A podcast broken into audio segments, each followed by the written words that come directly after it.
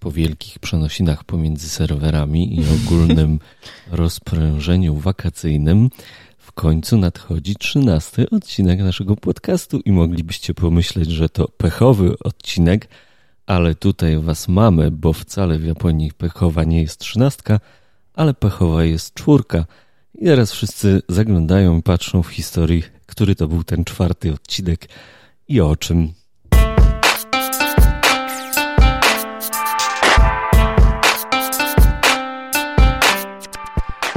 Witamy Was serdecznie w trzynastym niepechowym odcinku naszego podcastu o Japonii. Wasz ulubiony podcast z kotkiem bloga Byłem tu, Tony Halik.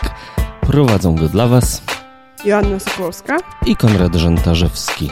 I znów dzisiaj rozmawiamy z gościem, a ci, którzy na naszej grupie są, to już wiedzą, kto tym gościem jest. A dla tych, którzy nie wiedzą, Aśka gościa przedstawi.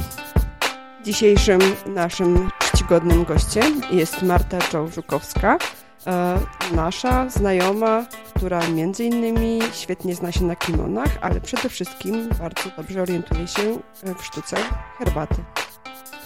Witamy serdecznie. Cześć, dzięki za zaproszenie. I o czym my sobie dzisiaj porozmawiamy w takim telegraficznym skrócie? Będzie przede wszystkim o ceremonii herbacianej, ale też o różnych elementach, które na kulturę herbaty, na drogę herbaty się składają. Zatem szukajcie ciekawostek o kimonach, o słodyczach, o kuchni, no i oczywiście o tym, jak wygląda sama ceremonia herbaciana w Japonii. Asacia wa sonohi no nan nogare, czyli poranna herbata to ucieczka od kłopotów dnia. To jest jedno z japońskich przysłów. Mhm. A powiedz mi, Marta, kiedy ty najbardziej lubisz herbatę pić? Hmm, herbatę taką zwykłą zawsze, oczywiście. E, ale jeśli chodzi o spotkania herbaciane, myślę, że właśnie asacia, herbata poranna, taka, którą zaczynamy jeszcze przed wschodem słońca, to moje ulubione spotkania. I powiedz mi, kiedy trzeba się zacząć przygotowywać do takiego spotkania, które się odbywa aż przed wschodem słońca? Bo ty przecież nie jesteś zazwyczaj gościem, ale gospodarzem. Tak, mam dużo więcej okazji do bycia po stronie gospodarza, czy to na matach w pokoju herbacianym, czy to e, w Mizuja na zapleczu. Tak naprawdę do takiego spotkania trzeba zacząć się przygotowywać ponad miesiąc wcześniej. Trzeba wymyślić, jaki to będzie temat, kogo zaprosimy, jakich utensyliów użyjemy, co ugotujemy, co podamy, jakie sakę podamy. Jest mnóstwo rzeczy, o których trzeba pomyśleć. Czasami zamówić, czasami, nie wiem, wymodlić pogodę, ale przygotowania zaczynają się wcześniej, a takie przygotowania do już samego spotkania, jeśli na przykład chcemy zrobić spotkanie poranne przed wschodem słońca, zaczynamy tak naprawdę dnia poprzedniego. Ale tak w okolicach północy, czy jeszcze wcześniej? Wcześniej, wcześniej, dużo wcześniej. Ranek dnia poprzedniego idziemy na przykład na targ i kupujemy składniki do naszego posiłku. No właśnie, bo e, kiedy ja uczestniczyłam w, herbacia, w herbacianej ceremonii, którą prowadziłaś, to była też z nami twoja mistrzyni, pani Ula, mhm. i ona powiedziała, że e, jeżeli ktoś jest zaproszony na ceremonię, to powinien przynajmniej dzień wcześniej potwierdzić, e, że takie spotkanie się odbywa. Tak, zdecydowanie. Powinniśmy wiedzieć, ilu mamy gości, ponieważ szykujemy właściwie wszystko na konkretną ilość. Nie szykujemy tak, żeby było mnóstwo z zapasem i ile osób przyjdzie, tyle przyjdzie, tylko szykujemy się na konkretnych gości, nie tylko na konkretną ilość, ale także osoby. Czyli każde herbaciane spotkanie, niezależnie czy to jest ceremonia taka bardzo oficjalna, czy, czy mniej oficjalna, jest bardzo specjalne i zaprojektowane pod konkretnych ludzi. Dokładnie. Bardzo często jest tak, że goście, a przynajmniej pierwszy gość, są bliskimi przyjaciółmi z gospodarzem. Gospodarz wie, co lubią na przykład jeść, jaką herbatę lubią, jakie sakę i dopasowuje do tego całe spotkanie, cały posiłek więc to wszystko jest bardzo robione pod konkretne osoby. No właśnie, mówisz pierwszy gość, e, pewnie nasi słuchacze niekoniecznie wiedzą o co chodzi. Tak. E, ja przy okazji zrobię taką małą autoreklamę, bo zaproszę Was do e, lektury jednego z artykułów na naszym blogu, który też zresztą powstał między innymi po jednym z moich, moich wizyt na ceremonii herbacianej, którą prowadziła Marta. I tam wyjaśniamy, kto to jest pierwszy gość i skąd się bierze. Ale mimo wszystko, ja bym chyba chciała, żebyśmy zaczęli trochę bardziej od początku. Jasne. Czy mogłabyś opowiedzieć, jak w ogóle zaczęła się Twoja przygoda? Nie tyle z herbatą, ale w ogóle z pasją do japońskiej kultury, bo kiedy się poznałyśmy kilka lat temu, to tak naprawdę ja pamiętam, że Ty brałaś udział w konkursie yukaty albo kimona podczas Tanabaty. Tak, było coś takiego rzeczywiście. Przyszłam na, na Tanabatę na Pradze i jakoś tak wyszło, że wzięłam udział, jako że i tak byłam ubrana w kimono. A zaczęło się tak naprawdę, tak jak w przypadku wielu osób w Polsce podejrzewam, jeszcze za dzieciaka w gimnazjum od y, anime. A którego konkretnie? konkretnie? Vampire Night. nie, wiem, nie wiem, ile osób zna to anime. E, w każdym razie było ono mocną podstawą dla mnie i, i początkiem. Potem pasja do popkultury przechodziła trochę głębiej e, i zaczęło się aikido, które ćwiczyłam przez trzy lata. O matko. Serio? To tego w ogóle nie wiedziałam. No taka głęboka historia, mało znane fakty. Potem ze względu na kontuzję i problemy zdrowotne niestety musiałam opuścić, opuścić grupę i, i przestać ćwiczyć i mniej więcej wtedy w moim życiu pojawiła się herbata i zajęła pewną lukę. A powiedz mi, jak w ogóle trafiłaś na, na to, że można się herbatą zajmować w wolnym czasie i że można zgłębiać ten temat? Bo e, nawet teraz, po kilku latach, e, kiedy ty już praktykujesz, że tak powiem, i, są zarówno w Warszawie, w Krakowie, pewnie jeszcze w kilku innych miejscach jakieś takie bardziej zorganizowane możliwości ćwiczenia tej herbaty. Jak w ogóle, jak w ogóle na to trafiłaś? Jak znalazłaś ludzi? Jak wyglądał proces jakby mm, przyłączenia się do, do tego grona osób pasjonujących się drogą herbaty japońskiej? Jestem jednym z, można powiedzieć, nabytków pokazowych. E, właśnie kiedy skończyła się moja przygoda z Aikido, znajoma zabrała mnie na Noc Muzeów w 2014 roku, jeśli się nie mylę.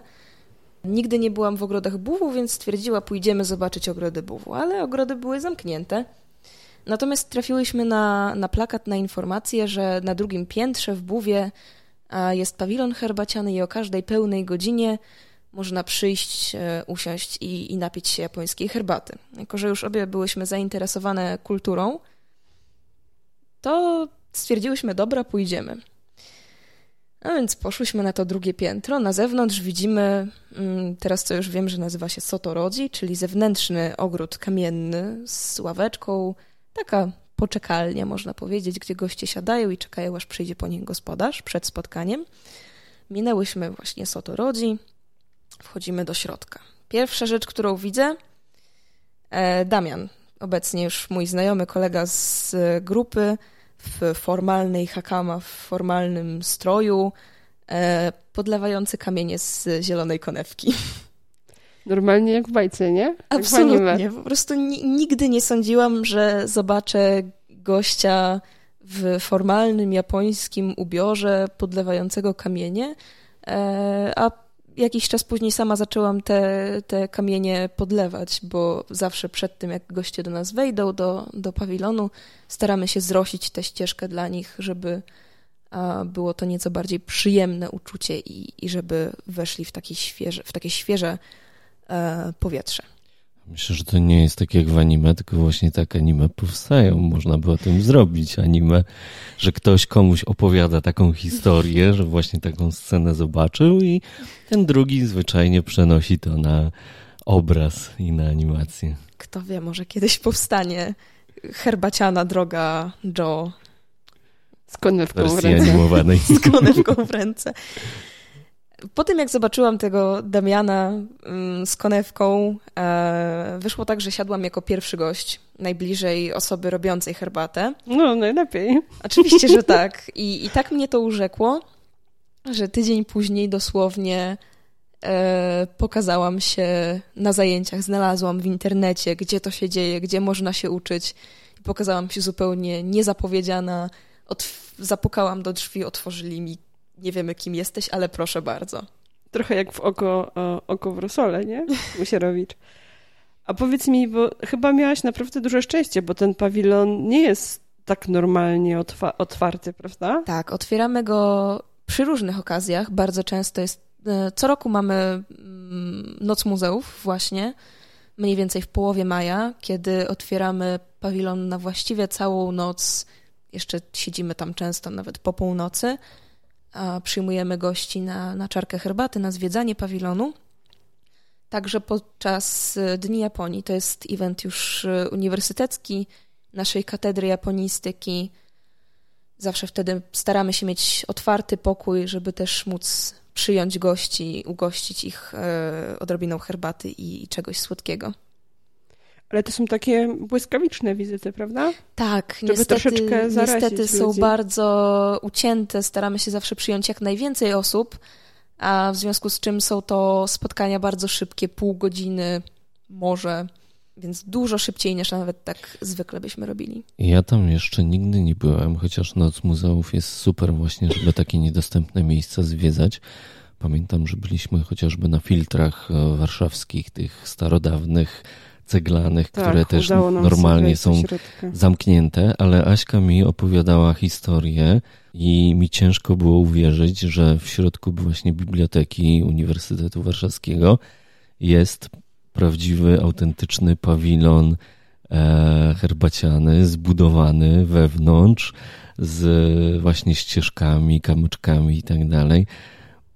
Jak to się stało w ogóle, że w środku biblioteki ktoś zbudował pawilon japoński? Nie ktoś, tylko konkretnie Japończycy budowniczy ciasitsu, którzy przyjechali w tym celu specjalnie w Japonii. No właśnie, tak. jak to się zaczęło? Znaczy ja wiem, ale... Zaczęło się już dość dawno temu od e, fundacji Takashima e, i stowarzyszenia tak zwanego Nippo Saron, czyli Stowarzyszenia Polsko-Japońskiego działającego w Osace. E, zaczęło się od tego, że, że jego założyciel przyjeżdżał do Polski i budował z Polską pewne stosunki, przywiózł nam w pewnym momencie sadzonki sakury. I w 2004 roku, kiedy nasze stowarzyszenie już działało od dłuższego czasu, a na japonistyce pojawiły się kursy e, herbaciane, konwersatoria, e, Kyoei Steel i Fundacja Takashima podarowały nam warszawskiej japonistyce e, pawilon, który otrzymał imię Kajan. Kai jak futokoro, czyli można powiedzieć taka pazucha to, co się robi na, na piersi, jak się zakłada kimono, tam gdzie się wkłada przeróżne rzeczy. I An jak pustelnia. Czyli można powiedzieć taka pustelnia za pazuchą, coś, takim, coś takiego. W takim jakby zakątku zacisznym, prawda? Tak, tak. Więc takie imię otrzymał e, nasz pawilon, wybudowany w Japonii przez specjalistów, rozłożony tam przywieziony do Polski nie bez problemów, bo na przykład e, Celnicy za, za, zajęli tak. go. Może nie tyle zajęli, co musieliśmy się tłumaczyć e, z przynajmniej jednego kamienia, takiego większego, e, na którym się staje przed wejściem do pawilonu, zdejmuje buty E, Czyli takiego progu trochę, nie? Trochę tak. Musieliśmy wytłumaczyć, dlaczego konkretnie chcemy przywieźć e, wielki, rzeczny kamień z Japonii do Polski, no więc został zakwalifikowany jako dzieło sztuki. Dobrze, że nie uznali, że jest radioaktywny. Bardzo dobrze. No dobrze, ale bo ja nadal nie widziałem tego pawilonu. On stoi w środku, wewnątrz biblioteki, pod tak, dachem tej biblioteki, tak, tak po tak. prostu Stoi sobie mały domek, Stoi tak? sobie nie do końca. Mamy na zewnątrz właśnie część zewnętrzną, kamienny ogród zewnętrzny. Tam stoi taka wiata, powiedzmy, e, z ławeczką ogrodzona e, płotkiem, płotkiem takim. z trzciny tak, bodajże. Taki, taki rachityczny tak, płotek. Tak, tak, tak. Taki rachityczny, delikatny płotek. Trzcina to chyba jedyny element polski, który tam w tym momencie jest. Wszystko inne jest przywiezione z Japonii łącznie ze żwirem, e, który wyścięła nam część podłogi, tak? I... To jest w ogóle e, specjalne pomieszczenie z klimatyzacją, po prostu pokój tak. zaciemniony, tak. z kontrolowanym poziomem wilgotności po to, żeby to drewno tam mm, sobie funkcjonowało w takich e, odpowiednich warunkach. I tak naprawdę on zajmuje całe to pomieszczenie. Całe prawda? to pomieszczenie. Ale Mamy tam. Dachem tak, ma, ma dach, ma okna, drzwi. z tyłu. Tak, okna wychodzą co prawda na ściany, e, więc nie mamy zbyt cudownych widoków, jedynie beton, jeśli ktoś bardzo chce na niego patrzeć. Ja tam lubię. Można i tak, e, ale tak, jesteśmy w zamkniętym pomieszczeniu klimatyzowanym.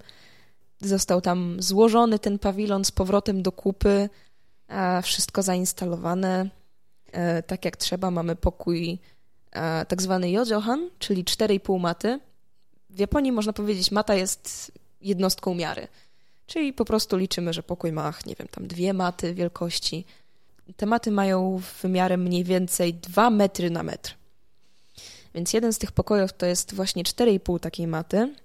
Drugi e, dwie i dwie trzecie, jeśli się nie mylę.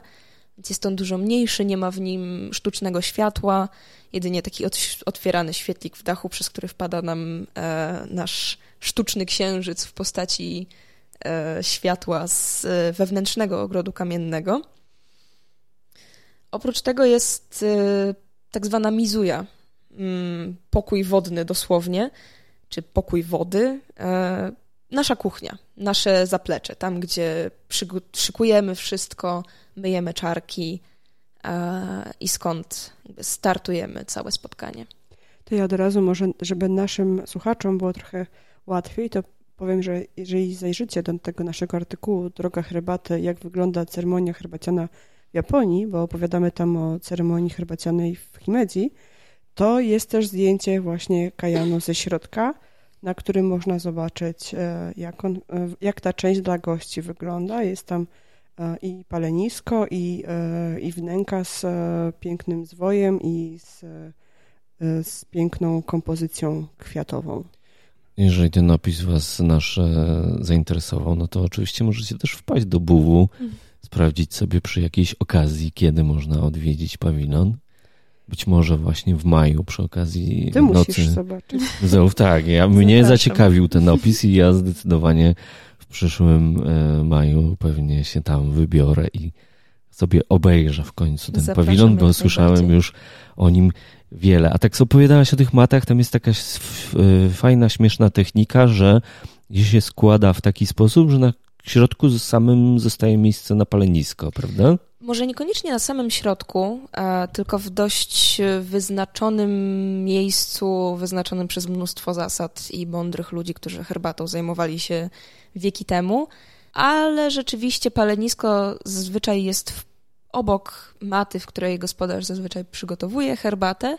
Jest to po prostu, można powiedzieć, dziura wycięta w podłodze, do której robi się specjalną matę, też z taką wyciętą trochę dziurą i, i w listopadzie z paleniska letniego, które stoi po prostu na matach, przerzucamy się na palenisko zimowe, które właśnie znajduje się w tym zanurzonym zagłębieniu, zagłębieniu dzięki czemu tak naprawdę ogrzewa nie tylko wodę, ale też pokój. Mhm. Kiedyś e, w dawnych czasach to, to palenisko było kamienne, czyli to był taki wdrożony kamień, który mhm. się umieszcza, umieszczało w tym E, otworze, także ono się znajdowało poniżej poziomu i można było się wokół niego skupić. Teraz mamy trochę nowsze, e, nowsze technologie. Wiadomo, że do Japonii też te technologie docierają, ale jeżeli będziecie kiedykolwiek mieli okazję oglądać jakikolwiek stary dom czy pałac, to wypatrujcie właśnie tego miejsca na ogół gdzieś przy jakimś salonie, przy jakiejś sali tronowej e, znajdują się właśnie te pomieszczenia, czy wnęki, gdzie e, dla ludzi była przygotowywana herbata. To świetny widok jest. No albo oczywiście zaglądajcie do naszego warszawskiego e, pawilonu. E, tak mówisz, ten nasz pawilon u nas na japonistyce, bo jak się potem wszystko dobrze potoczyło, to zaczęłaś studia na warszawskiej japonistyce. Tak. Ale czy mogłabyś w ogóle powiedzieć trochę o tym stowarzyszeniu, które e, tą herbatą się przede wszystkim zajmuje? Bo są wykłady na japonistyce, ale tak naprawdę cała działalność to, to jest to wasze stowarzyszenie Drogi Urasenkę, czyli jednej ze szkół dróg herbaty e, z Japonii, prawda? Tak, konkretniej e, po polsku nazywamy się, nazywamy się Stowarzyszenie Drogi Herbaty Urasenke Tanko Kaisun Shinkai. Urasenke, czyli ród, do którego należymy, jeden z największych rodów herbacianych e, praktykujących herbatę wabi, herbatę piękna, pokoju. skromnego mhm. ubóstwa, czy piękna, szlachetnego ubóstwa. Tankokai, czyli część oficjalnej struktury e, Urasenke. Tankokai to jest sieć stowarzyszeń poza Japonią. I Sunshinkai, Sunshin to w dużym skrócie odrobina serca czy troszeczkę woli. I chodzi o to, że wystarczy tak naprawdę nieduży wysiłek, by postawić krok na drodze, a także drodze herbaty, a droga może zaprowadzić bardzo daleko. Czyli tak u nas się mówi, że się tym makiem można drogę, czy tam rękami mierzyć. Mhm. A akurat mi się to przypomniało, bo byłam niedawno w Kielcach e, na Łysej Górze. W każdym razie ten... bardzo marketingowe hasło, które mówi, jeśli przeraża cię ten milion e, elementów, które tutaj widzisz przed sobą i dla ciebie to kosmos i nie rozumiesz nic, to nic się nie martw powoli do przodu, a my cię wszystkiego nauczymy. Ale tak naprawdę jest, naprawdę, szczególnie w naszym stowarzyszeniu, mam wrażenie, to jest taka dość rodzinna atmosfera każdy robi wszystko swoim tempem. Nie ma czegoś takiego, że musimy się nauczyć na jakiś egzamin, czy w ciągu roku musimy zrobić to. Są ludzie, którym, którym idzie szybciej zapamiętywanie słownictwa, formy. Są tacy, którzy potrzebują więcej czasu. I każdy, każdy idzie zupełnie swoim tempem i, i tak jak czuje, że jemu potrzeba.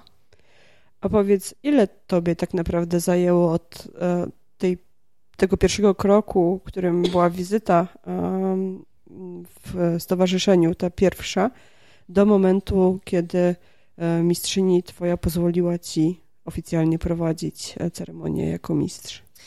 To zależy, co uznamy za oficjalne prowadzenie, e, tak żeby uczyć się jakiejś formy, nie tylko tego, jak być gościem, bo zaczynamy tak naprawdę od nauki bycia gościem i to jest nasza podstawa. Każdy człowiek herbaty, każdy ciadzin musi wiedzieć, jak zachować się na spotkaniu, jak wygląda etykieta, e, jak się kłaniać, jak chodzić, e, co powinniśmy zrobić przed spotkaniem, że powinniśmy przynieść jakiś orej, czyli podziękowanie w formie koperty z pieniędzmi za organizowanie spotkania. Naprawdę? Tak. To chodzi o to głównie, żeby pomóc gospodarzowi w zorganizowaniu tego, żeby nie było tak, że gospodarz robi coś dla nas i musi wydać na to kupę pieniędzy, e, a my przyjdziemy, usiądziemy, pójdziemy sobie. No właśnie, bo to jest niedopuszczalne w rozumieniu Japończyków, że mogą coś dostać i spro... znaczy nie tyle coś dostać, ale e, sprawić komuś kłopot, prawda? Mhm. W dobrym guście jest zawsze jakoś wesprzeć osobę, która coś dla nas robi. Czy to przynieść coś dla osób pracujących w Mizuya, jakieś owoce, kawę, przekąskę. E, bardzo często goście, kiedy przychodzą do nas na większe spotkania, przynoszą nam na przykład wielką paczkę ciastek albo pączków, albo czegoś z cukierni, żebyśmy po prostu w, na tym zapleczu przy całym dniu ciężkiej pracy, gotowanie, mycie czarek, robienie wszystkiego, żebyśmy po prostu tam nie padli. No właśnie, bo trzeba dźwigać ogromny czajnik z, herba- z tym wrzątkiem na herbatę. Także czasami. Żeliwny. A mogłabyś tak w skrócie opowiedzieć, jak wygląda od początku do końca, no powiedzmy, że ta mniej formalna e, ceremonia, czyli ciaka i spotkanie to mało formalne, bo ja to e, próbowałam opisać tak jak, e, no na tyle co umiałam i na tyle co udało mi się jakoś to wszystko rozsądnie zebrać, ale ty jesteś specjalistką, a nasi słuchacze prawdopodobnie nigdy nie byli na takim spotkaniu. Jakbyś mogła chociaż troszeczkę opowiedzieć, co się dzieje i jak się ta część przed, e, przed herbatą, w czasie ceremonii i, i, i kiedy być może te podarunki można wręczyć? Podarunki bardzo miło jest wręczyć, kiedy tylko przyjdziemy. Staramy się zawsze przyjść odrobinę wcześniej. E, jeśli dostaniemy zaproszenie, będzie na nim wypisany czas. Na przykład powiedzmy na to poranne spotkanie 7.30. Jest to ten czas, w którym gospodarz chce, żebyśmy weszli do pokoju. Czyli przed tym momentem należy liczyć jeszcze 15 do 20 minut na rzeczy w stylu zmienianie skarpetek, e, odkładanie swoich rzeczy, wbicie odrobiny ciepłej albo zimnej wody, w zależności od tego, co przygotuje dla nas gospodarz. Chwila oczekiwania, by upewnienie się, że gospodarz wszystko ma gotowe, i dopiero wtedy, kiedy gospodarz jest w pełni gotowy, wychodzi do nas i cichym ukłonem wita się z nami, dając znak, że możemy wejść. I wtedy mu wręczamy ten upominek, tak? To nawet wcześniej. Ostatni gość, który jest tak naprawdę najbliższą w teorii osobą gospodarzowi, kiedyś to był w ogóle człowiek, który wyhodował te herbaty. W dawnych czasach, kiedy jeszcze osobiście przynoszono ciatsubo, czyli taki wielki dzban z herbatą jeszcze w liściach, przynoszono gospodarzowi, to ten człowiek z plantacji był najbliższym przyjacielem. On mógł wchodzić do na zaplecze, pomagać gospodarzowi, jeśli będzie trzeba. No i ten ostatni gość zbiera te wszystkie koperty, podarki od, od reszty gości, zagląda do, na to zaplecze, e, przekazuje i, i dołącza później do, do reszty gości. Trochę jak świadkowie na ślubie teraz. Zbierają kwiaty przy życzeniach i, i te koperty do pudełka. Jest pewna analogia. I co dalej? Powiedzieć. Dalej e, goście siadają i tak jak, jak już mówiłam, dostają zazwyczaj coś do picia. Bardzo często jest to czysta woda, ta, która będzie używana e, później do zrobienia herbaty, żeby goście mogli spróbować, jak ona smakuje normalnie. My bardzo często podajemy ją na przykład z goździkami. Ale można też dodać różnych e, ciekawych rzeczy do tej wody. Ważne, żeby smak był lekki, żeby odświeżyć delikatnie gości, żeby mieli ten moment pomiędzy wejściem z zewnątrz i, i wejściem do pokoju. Często wtedy też y, goście dostaną do użytku y, tak zwany tabakobon, czyli tacę z tytoniem, która mówi gościom proszę się odprężyć, możecie proszę zapalić sobie fajkę kiseru, jeśli tylko chcecie, a możecie też tylko ogrzać dłonie, jeśli nie palicie. E, ale element ten mówi wyluzuj. Czuj się okay. jak u siebie. Ale to brzmi trochę jakby ewoluowała ta cała tradycja, no bo przecież tytoń to nie jest taka stara chyba tradycja w Japonii. Ona się pewnie przy, pojawiła przy okazji już stosunków kontaktów, handlowych, tak. kontaktów, kiedy Japonia przestała być zamknięta. Tak, to bardzo możliwe. Ja szczerze mówiąc historii tytoniu nie znam.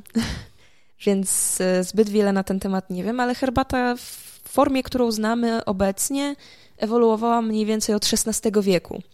Więc tam już się zaczynały wpływy zachodnie, chrześcijańskie, powstawały prace na uniwersytetach e, na temat powiązań na pewno chrześcijaństwa i herbaty. Różne elementy, które kojarzą nam się być może z mszą w niektórych miejscach. E, więc wpływ oczywiście był.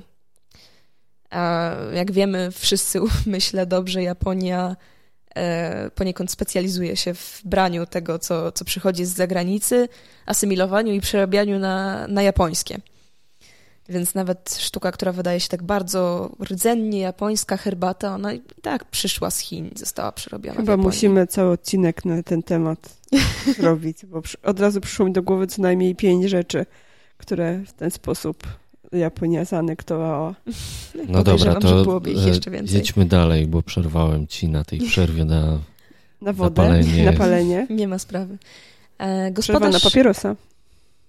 W pewnym sensie. Gospodarz e, przychodzi.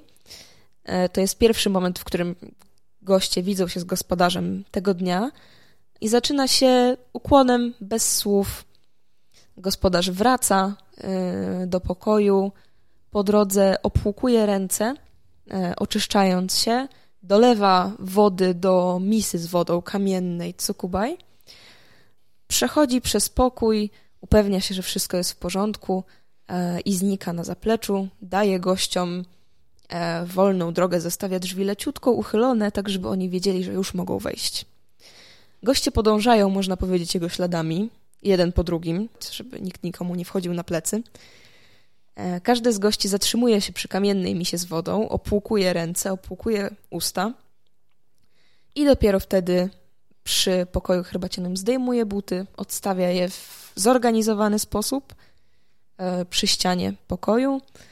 E, pierwszy gość rozsuwa drzwi, patrzy, co się dzieje w środku, wchodzi do pokoju i zaczyna od spojrzenia na tokonomę, czyli wnękę, w której w pierwszej części spotkania zazwyczaj wywieszony jest tylko zwój. Jeśli jest to spotkanie nieformalne, czyli taki ciakaj, w którym powiedzmy goście dostaną tylko słodycze i lekką herbatę, bardzo często jest to nie tylko zwój, ale też kwiaty. Czyli ciabana. Ciabana, tak. Przy pełnym spotkaniu herbacianym ciadzi, które składa się z wielu różnych elementów, układanie węgla, posiłek, sake, gęsta herbata, lekka herbata, gdzieś tam pomiędzy jeszcze często kolejne układanie węgla. W pierwszej części w pokoju znajduje się wyłącznie zwój, Później, kiedy goście opuszczają pokój mm, pomiędzy posiłkiem a gęstą herbatą, e, zwój znika, zostaje zabrany i zastąpiony przez kwiaty. A co na tym zwoju zazwyczaj jest? Mm, bardzo różne rzeczy. Najbardziej klasyczne są tak zwane dzengo, czyli słowa dzen, e, sentencje pochodzące z przeróżnych pism, które mają przekazać pewną myśl gościom. Czy myślisz, że oni wszyscy tę kaligrafię umieją zawsze rozczytać? Czy Absolutnie to... nie.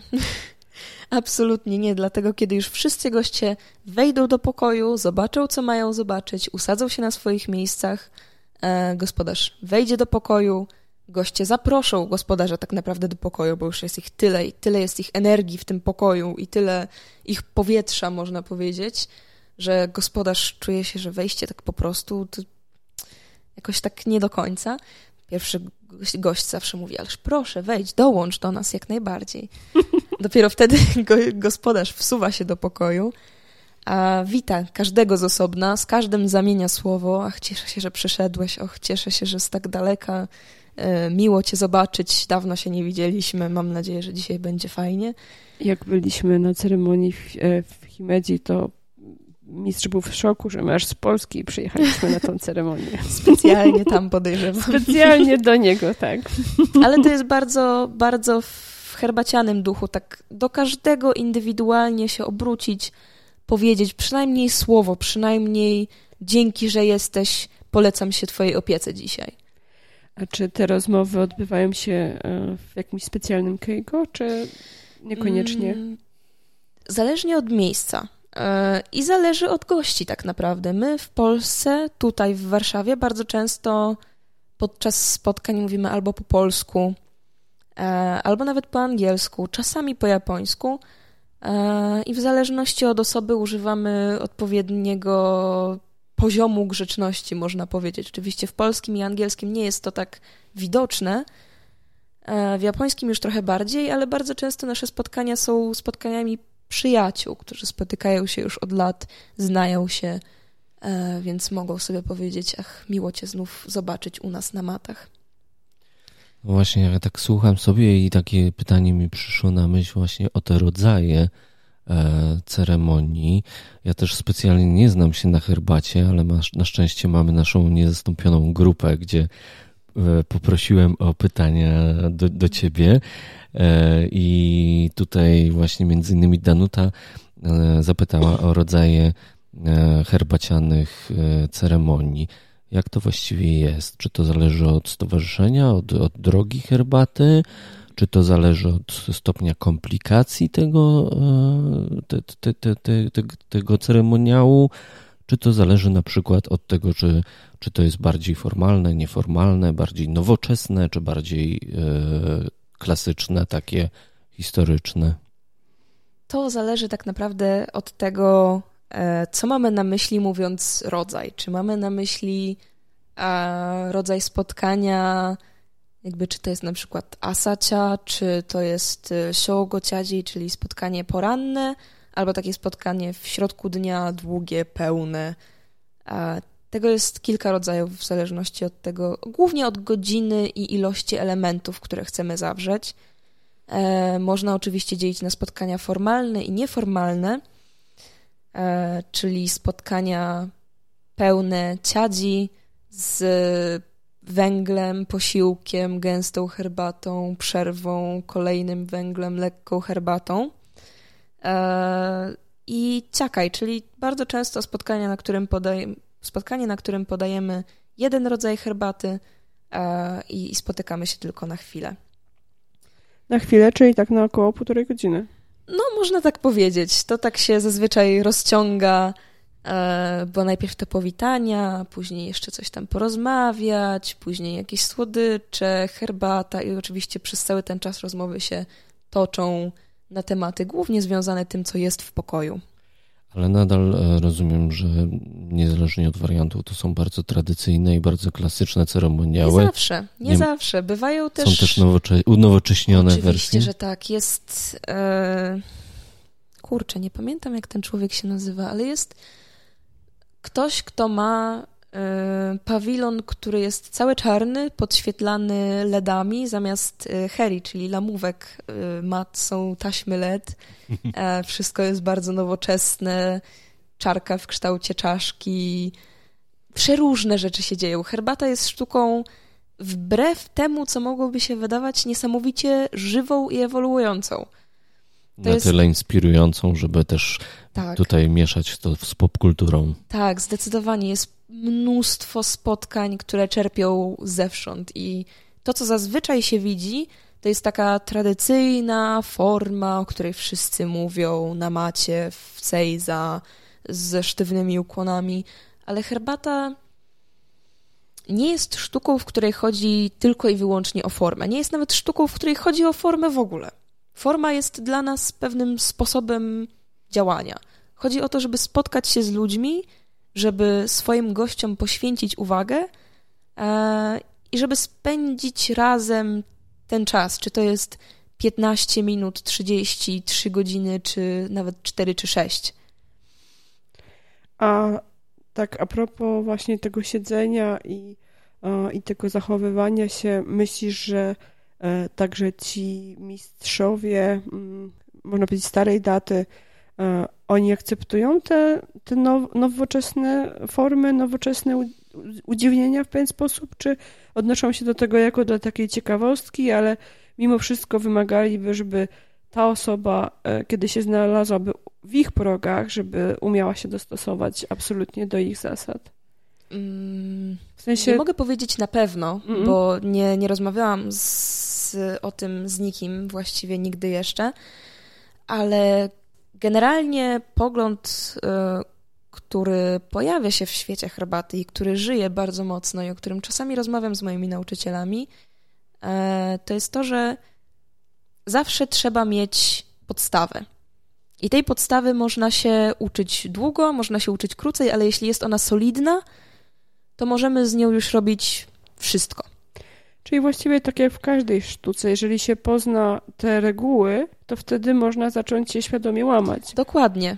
Dokładnie. Mówi się, że w, w życiu człowieka herbaty są trzy etapy. Pierwsze 10 lat to jest nauka klasyki, nauka podstaw, nauka tego, jak powinno być. To ile ci jeszcze zostało do końca Pięć. Okej, okay, jesteś w połowie drogi pierwszego etapu. Hmm? Potem przychodzi drugi etap, etap e, łamania tych wszystkich zasad. Zaprzeczania, tak. Zaprzeczania. Mhm. Etap, w którym się szuka niemal szaleńczo czegoś własnego. Etap, w którym się pojawia milion pomysłów, e, poglądów. Mi się podoba bardziej tak. Ten ruch uważam, że powinien być inny. A potem po tych kolejnych 10 latach, czyli łącznie po 20 latach praktykowania, przychodzi Wyciszenie. moment nawet nie tyle wyciszenia, co budowania rzeczywiście własnej herbaty. Więc taki już wytrawny, wytrawny ciadzin po 20 latach praktyki zaczyna budować coś, co rzeczywiście jest jego drogą. I oczywiście dalej pamięta o tych podstawach. Zawsze, kiedy e, składamy wkusę, czyli jedwabną chustkę, którą oczyszczamy przedmioty, zawsze w pewnym momencie piszemy na niej palcem znak na jeden. I przypominamy sobie, o tym sercu osoby początkującej, żeby nigdy nie zapomnieć o, o podstawach, o najprostszych rzeczach, bo jeśli mamy solidną podstawę i jeśli ten fundament jest mocny, to możemy zrobić wszystko. Mówisz, że e, ci mistrzowie tacy doświadczeni po tych 30 latach praktyki, nauki, e, jakby to nazwać, że oni wtedy już e, jakby znaleźli, odnaleźli siebie w tej herbacie. Ile takich ludzi jest w Polsce w tym momencie? Bo wiem, że orientujesz się w tym, bo jednak jest to mały, mały świat. I... Świat jest bardzo mały. Tak naprawdę można powiedzieć, że ogranicza się do Warszawy i Krakowa. Jeśli chodzi o, o naszą szkołę, nie mam pojęcia, co się dzieje w innych szkołach. Nie słyszałam, żeby oprócz y, naszych dwóch stowarzyszeń, czyli Sun Shinkai warszawskie i Sen Shinkai krakowskie, żeby był jeszcze jakikolwiek taki ośrodek y, nauki herbaty, -hmm. żeby, żeby coś takiego działało, żeby był ktoś, kto rzeczywiście uczy i, i działa. E, u nas w tym momencie najdłużej praktykującą osobą e, aktywnie i, i regularnie e, jest pewnie nasza nauczycielka Ula Soul Mach-Bryson. Soul, czyli imię herbaciane. Mm, w pewnym momencie już na pewnym poziomie się je otrzymuje. I Aaron Bryson, Soi, jej mąż, którzy uczą nas w Warszawie Ula w Sensei w tym momencie jest już po, po swoich pierwszych 20 latach e, i, i wchodzi, sama mówiła jakiś czas temu, w etap budowania e, swojej herbaty. Chociaż, Dopiero teraz, prawda? Wydaje tak. się jakby całe życie Tak, ale jeszcze, jeszcze mówi o tym, że łamie pewne zasady i próbuje, jak to będzie działało. To chyba jest bardzo trudne, Mm, wyjść poza tą strefę herbacionnego komfortu mimo wszystko. Zwłaszcza, jeżeli się uczy młodych ludzi i cały czas trzeba ich uczyć tych bardzo, bardzo elementarnych mhm. podstaw. Ale to też, myślę, bardzo umacnia te podstawy i można potem na tym dalej, dalej budować. A ty masz jakieś ulubione, nie, e, nieoczywiste herbaciane elementy?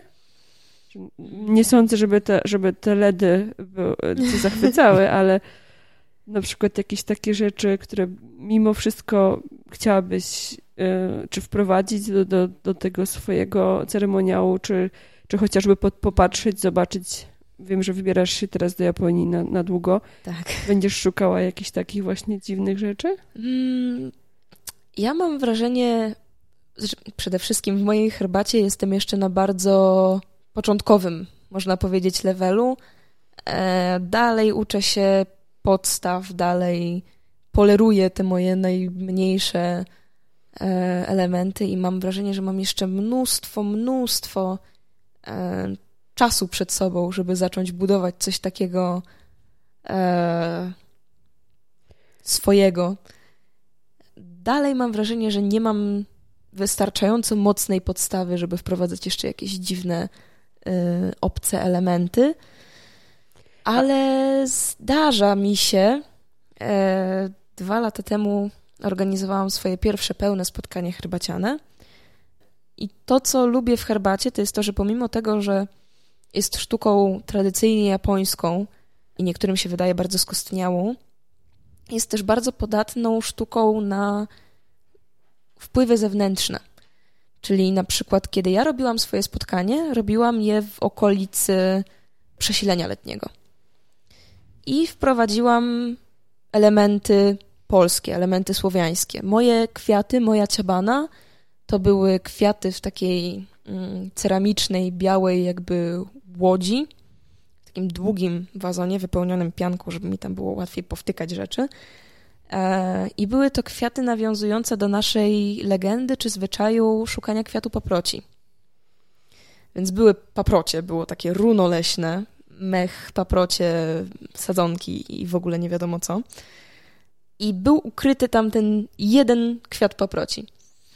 Więc ja bardzo lubię wprowadzać takie mm, elementy nietypowo japońskie, ale elementy, które rzeczywiście istnieją, można powiedzieć, w naszym świecie e, i sprawią, że, że gość spojrzy na to i poczuje się fajnie. Ostatnio na spotkaniu herbacianym e, nasza sensei kwiaty umieściła w łubiance. Takiej od truskawek, poplamionej sokiem, pożyczonej z targu, e, bardzo in season, bardzo w obecnym momencie, bo to był taki szczyt sezonu truskawkowego. I ta łubianka z wetkniętymi e, kwiatami, jakimiś stokrotkami, to było coś, co było niesamowicie swojskie, ale także jakieś takie niespodziewane. Bardzo mnie zaskoczyło, ale z drugiej strony można. Ja podejrzewam, że Japończycy byliby też zachwyceni, bo nie dość, że przenikanie się kultur różnych właśnie, te też Japończycy, którzy przyjeżdżają do nas do Polski, bardzo lubią te właśnie etniczne i takie tak. naturalne akcenty, czy sztukę związaną z naturą, czy wzory różne ludowe, także... Tak, ciekawostka, Japończycy uwielbiają ceramikę z Bolesławca. Mm. Kochają ceramikę z Bolesławca. My po prostu za każdym razem, jak gdzieś jedziemy, bierzemy ze sobą, nie wiem, talerze z Bolesławca i rozdajemy w ramach e, omijage z Polski.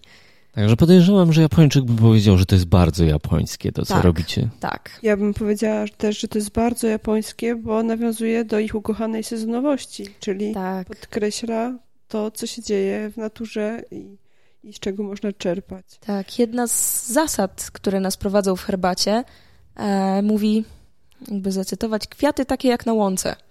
Czyli nie chodzi o to, żebyśmy poszli gdzieś do jakiejś przedziwnej kwiaciarni wyszukiwali to, co koniecznie teraz jest w Japonii, albo najpiękniejsze kwiaty z, ze szklarni, tylko żebyśmy poszli, spojrzeli na to, co się teraz dzieje w przyrodzie, co jest dookoła nas i przenieśli kawałek tego e, do pokoju herbacianego. Ten motyw sezonowości pojawia się w tej kompozycji, być może też czasami na zwoju, bo ten motyw jest też często jakby całym przewod, przewodnim motywem spotkania, prawda? Jak najbardziej. I jak to się, jak to się przekłada na te rozmowy, na, na, na to um, współdziałanie tych uczestników spotkania? O czym oni rozmawiają? Jak takie rozmowy e, wypada, żeby wyglądały? Przede wszystkim e, powinniśmy rozmawiać o tym, co się dzieje obecnie, najlepiej w pokoju herbacianym. Nie jakieś tam sprawy rodzinne, praca, pieniądze, wojna, polityka, nie wiadomo co. Tylko jesteśmy tu i teraz, zwracamy uwagę na to, co się dzieje w pokoju, a zwracamy uwagę na gości, z którymi siedzimy. Więc rozmawiamy na przykład o przedmiotach, których używamy, e, o zwoju, który wisi w Tokonoma, o który goście pytają, kiedy usiądą często nie są w stanie tego przeczytać, ale gospodarz wie, co tam jest napisane, wie, kto to napisał. Jeśli trzeba, to umie wytłumaczyć, o co tam właściwie chodzi. E, rozmawiają o kwiatach, o wszystkim, co jest tu i teraz i z czym mają styczność. Czyli pojawia się taka krótka rozmowa. E, oni się rozglądają, kontemplują to, co widzą. Próbuj, każdy próbuje coś, coś super mądrego opowiedzieć na ten temat od siebie, żeby jakby, żeby do, dołożyć, nawet nie tyle, żeby zaistnieć, ale żeby dołożyć do, e, do tej wspólnej treści. I kiedy się wreszcie ta herbata pojawia? E, pierwsza część, mm, może tak, czy mówimy o spotkaniu ciakaj czy ciadzi? może o, tym, jest... może o tym krótszym, bo jakbyśmy mieli Dobrze. o ciadzi rozmawiać, to, to by trzeba było trzy odcinki chyba naszej audycji zrobić, a nie mamy na to tyle czasu, bo niedługo wyjeżdżasz, więc... Tak. Pięć tygodni zostało. Myślę, że musielibyśmy się co tydzień spotykać, żeby, żeby wszystko pokryć. Mam nadzieję, że jak wrócisz, to zrobimy cały taki cykl. Naj, bardzo chętnie. W takim razie ciakaj. Kończą się powitania. Pierwszy gość pyta gospodarza, przy czym właściwie siedzimy, co się dzieje w Tokonomie. E, załóżmy, że jest tam zwój i kwiaty. Pyta pierwszy gość o czytanie tego zwoju, co tam jest napisane. E, może zapytać się jakby formułką podręcznikową, czyli wiem, proszę przeczytaj nam zwój o dziku Oyomiyage. E, albo wrzucić coś od siebie, nie wiem. Ach, wydaje mi się, że ten pierwszy znak to na przykład znak na krok. Czy mam Albo rację? nie mam pojęcia, co tam jest napisane, ale bardzo ładna dokładnie, jest ta kaligrafia. Dokładnie, dokładnie. Przypomina mi coś tam, e, sprawia, że myślę o czymś tam, ale nie jestem w stanie za nic przeczytać. Czy, je, czy mógłbyś nam powiedzieć, o co tu właściwie chodzi? Gospodarz wtedy oczywiście mówi, co tam jest napisane kto napisał, co to znaczy, do, tego, do czego się odnosi, ale bardzo często nie wyjawia też wszystkiego. W ogólnie kulturze japońskiej, szczególnie w kulturze herbaty, bardzo cenione jest to niedopowiedzenie. W herbacie się to przejawia też e, wręcz w języku, ponieważ bardzo często, można powiedzieć, ucinamy zdania. Czyli mm, na przykład, kiedy proszę gospodarza, żeby kończył już całą formę, bo gospodarz sam nie skończy. Gość, pierwszy gość musi poprosić. Mówię dozo oshimai o, czyli proszę, kończ. Tak I takie nie dopowiadam. Mogłabym powiedzieć mhm. dozo oshimai kudasai, ale to jest nie do końca herbaciane. Tak w duchu herbaty jest bardziej zostawić na takim wielokropku, niedopowiedzeniu, niekoniecznie kończyć zdanie, bo i tak A może to jest też taki element kurtuazji, że tą ostateczną decyzję zostawia, zostawiamy tej drugiej Istnieje stronie. też taka szansa. Ale bardzo często właśnie ucinamy e, frazy, zamiast e, mówić całe, że o, pozwolę sobie wypić herbatę przed tobą, mówię, pozwolę sobie, osaki Więc kiedy już gospodarz wytłumaczy, trochę, nie do końca, może trochę bardziej, jeśli goście naprawdę nie rozumieją, nie znają. To wszystko można dopasować. E, gospodarz daje znać, co się będzie działo dalej. Czyli na przykład w przypadku krótkiego spotkania, w takim razie pozwolę sobie przynieść słodycze. E, gospodarz na chwilę znika na zapleczu i przychodzi z tacą e, ze słodyczami przygotowanymi dla gości. W trakcie ciakaju, czyli tego krótszego, mniej formalnego spotkania, zazwyczaj nie podajemy gęstej herbaty, tylko herbatę lekką usucia, którą jest łatwiej wypić. Każdy pije ze swojej czarki, zamiast dzielić herbatę z jednej czarki i podawać ją z ręki do ręki. Mm, więc gospodarz przynosi słodycze, zazwyczaj są to dwa rodzaje, może być więcej. Podaje je pierwszemu gościowi, który potem będzie podawał kolejnym gościom i tak będzie, będzie sobie ta taca e, wędrowała wzdłuż linii. Gospodarz jeszcze na chwilę znika, później zaczyna się tak naprawdę samo przygotowanie herbaty. Czyli już jesteśmy takie dobre pół godziny od rozpoczęcia spotkania, może nawet 40 minut, odkąd goście przyszli, e, jeśli się trochę ociągali albo długo rozmawiali z gospodarzem. E, I dopiero wtedy tak naprawdę pojawia się herbata. E, zaczynamy od oczyszczenia wszystkich przedmiotów, chociaż oczywiście były one oczyszczone odpowiednio na zapleczu, ale chcemy gościom pokazać, że szykujemy dla nich to, co mamy najlepsze e, i jeszcze dla pewności wszystko przetrzemy, przepłuczemy gorącą wodą, przygotujemy.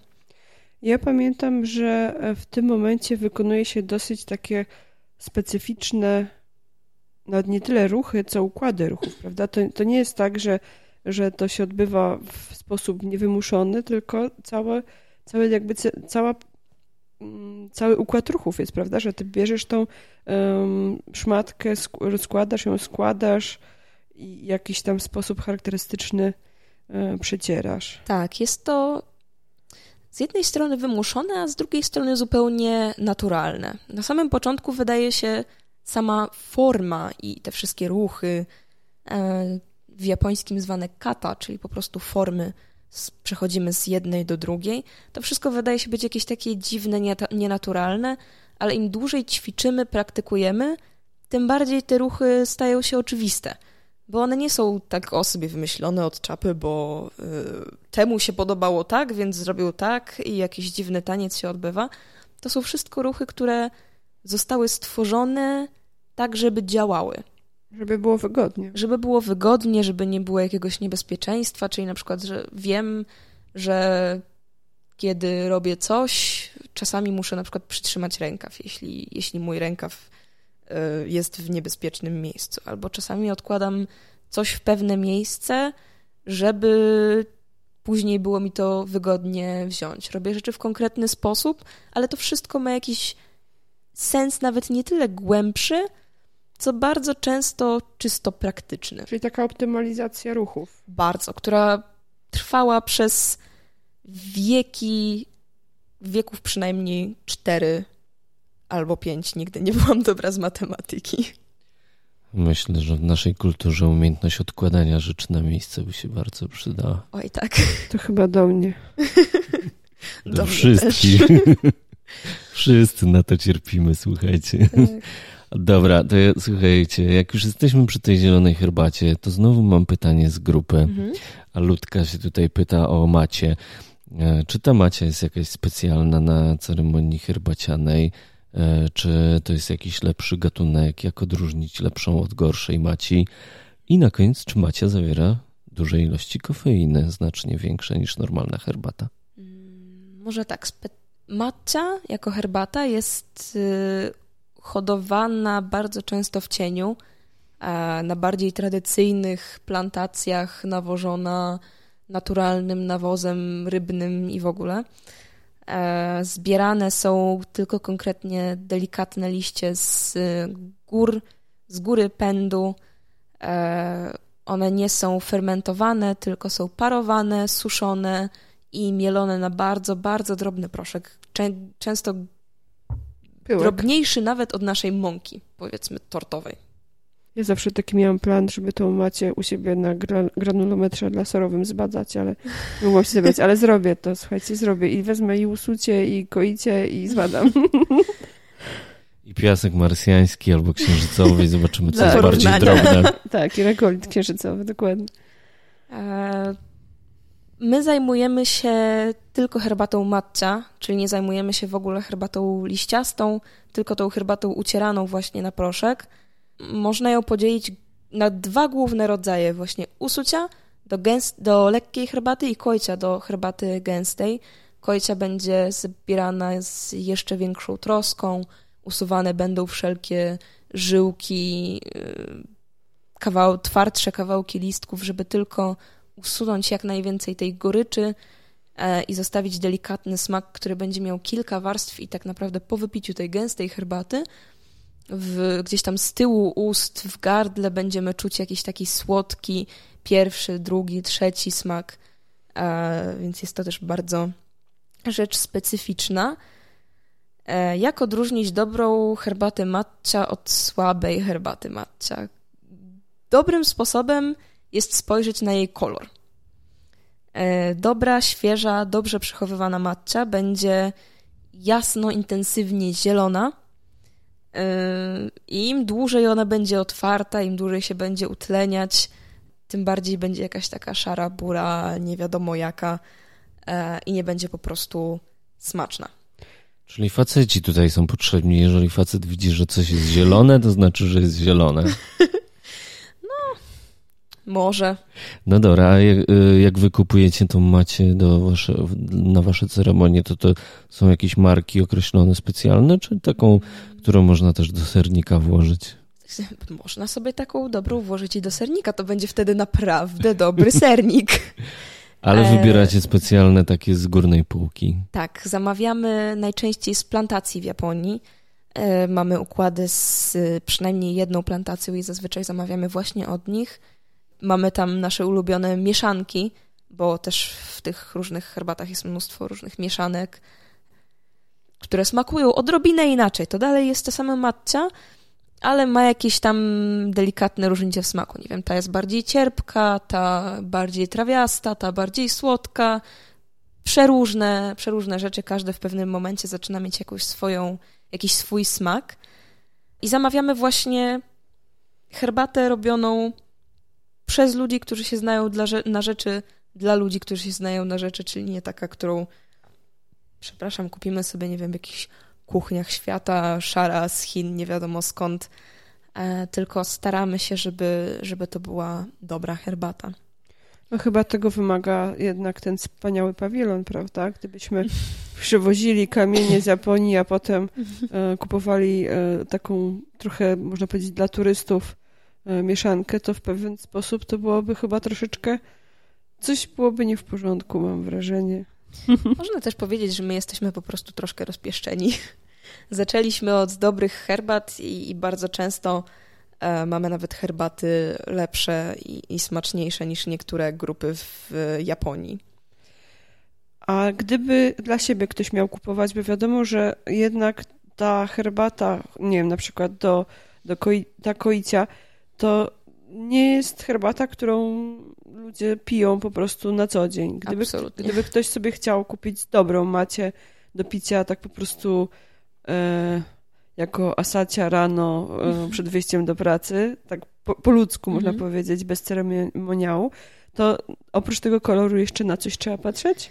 Na to, jak jest zapakowana. Zdecydowanie. Ja kiedyś zdarzyło mi się za młodu i głupoty, można powiedzieć, kupić taką, która zapakowana była w takie plastikowe opakowanie, które przypominało trochę jak takie, przypominało trochę takie plastikowe opakowanie, w którym można gdzieś kupić małą ilość e, kiszonej kapusty.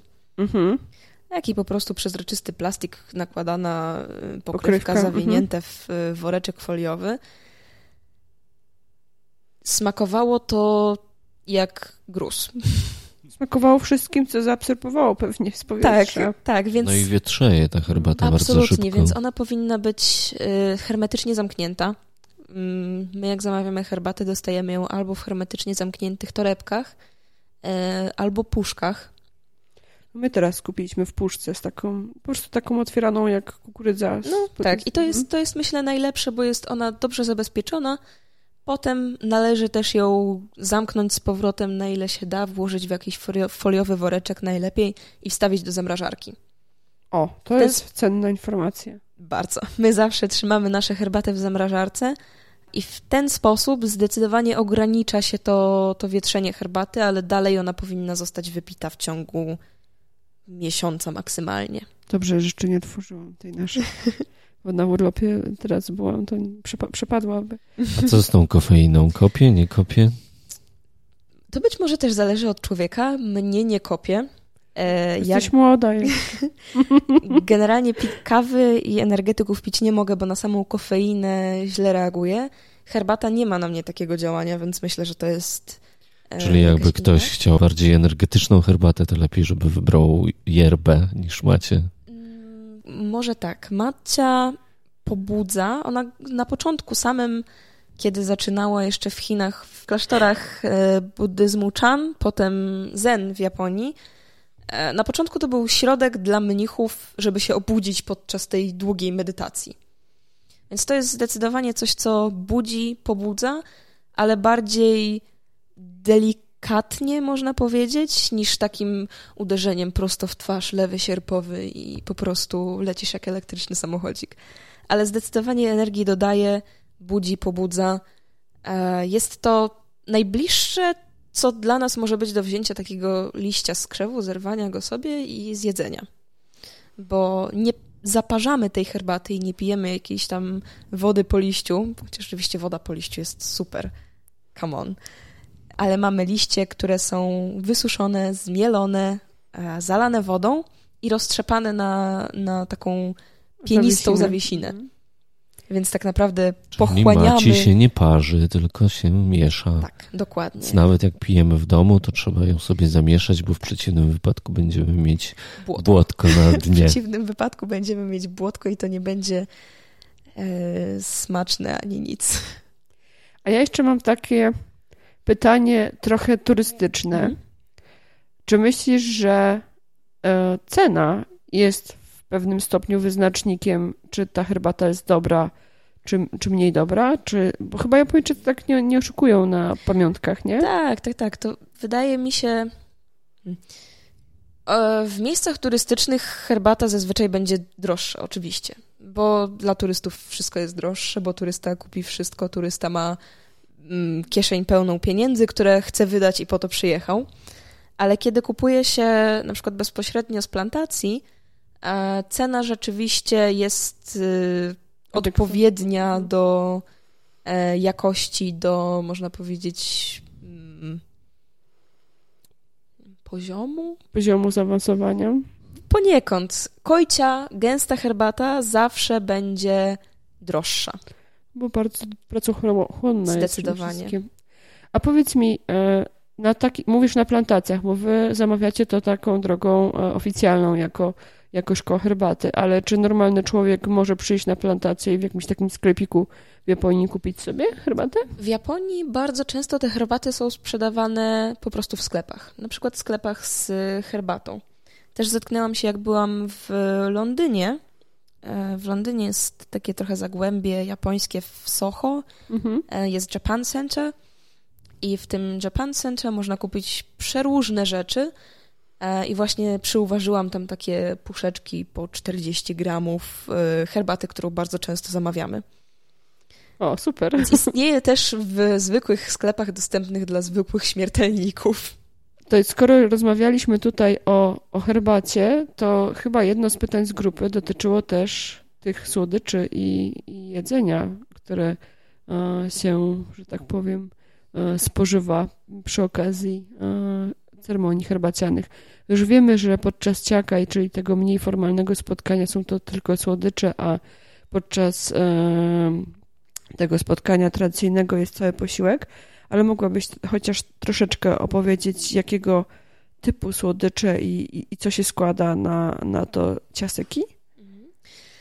Ciaseki jest tematem generalnie dość skomplikowanym. E, jedna obecnie do, z doktorantek u nas na japonistyce, Monika Nawrocka, pisała swoją magisterkę o, o ciaseki. O Boże, chyba muszę ją poprosić, żeby mi dała przeczytać. Myślę, że, że bardzo chętnie się podzieli. Robiła właśnie analizę takiego posiłku. Jego konkretny skład, czy też elementy, e, które się w nim pojawiają, też zależy od rodzaju spotkania, bo na przykład e, na spotkaniu porannym pominiemy E, yakimono, czyli mhm, smażone, pieczone. Mhm. Pieczone, takie grillowane, trochę podpiekane mhm. rzeczy. E, I generalnie będzie to posiłek lżejszy, trochę bardziej taki na start niż coś takiego ciężkiego, chociaż mm, herbaciany posiłek zazwyczaj jest lekki. Nie są to jakieś bardzo intensywne smaki, nie znajdziemy tam, nie wiem, czosnku, cebuli, e, ostrych przypraw. Będzie to bardzo klasyczna, prosta kuchnia japońska. Podstawą jest dla nas ryż, zupa, jakieś mukozuke, czyli taka jakaś mała potrawa, którą położymy z, jakby na tyle tacy. Na pewno będą jakieś kiszonki na sam koniec posiłku. Często pojawia się właśnie yakimono, czyli e, potrawy pieczone, grillowane. A owoce na koniec? Jakieś suimono się pojawia? Mm, Chyba niekoniecznie. Owoce nie, nie bardzo. One zamiast, do zamiast tego, zamiast tego mamy raczej tak zwane omogasi, główne słodycze, też, czy też namagasi, które są pewnie tym, co większość ludzi kojarzy z japońskimi słodyczami. Czyli jakieś takie duże słodycze z pasty, z fasolą, jakieś z mąką ryżową. Uwielbiam Słodkie takie. i głównie smakujące cukrem i fasolą są cudowne, kocham je. Ja też je uwielbiam, ale bardzo niewiele znam innych osób oprócz nas, które lubią to.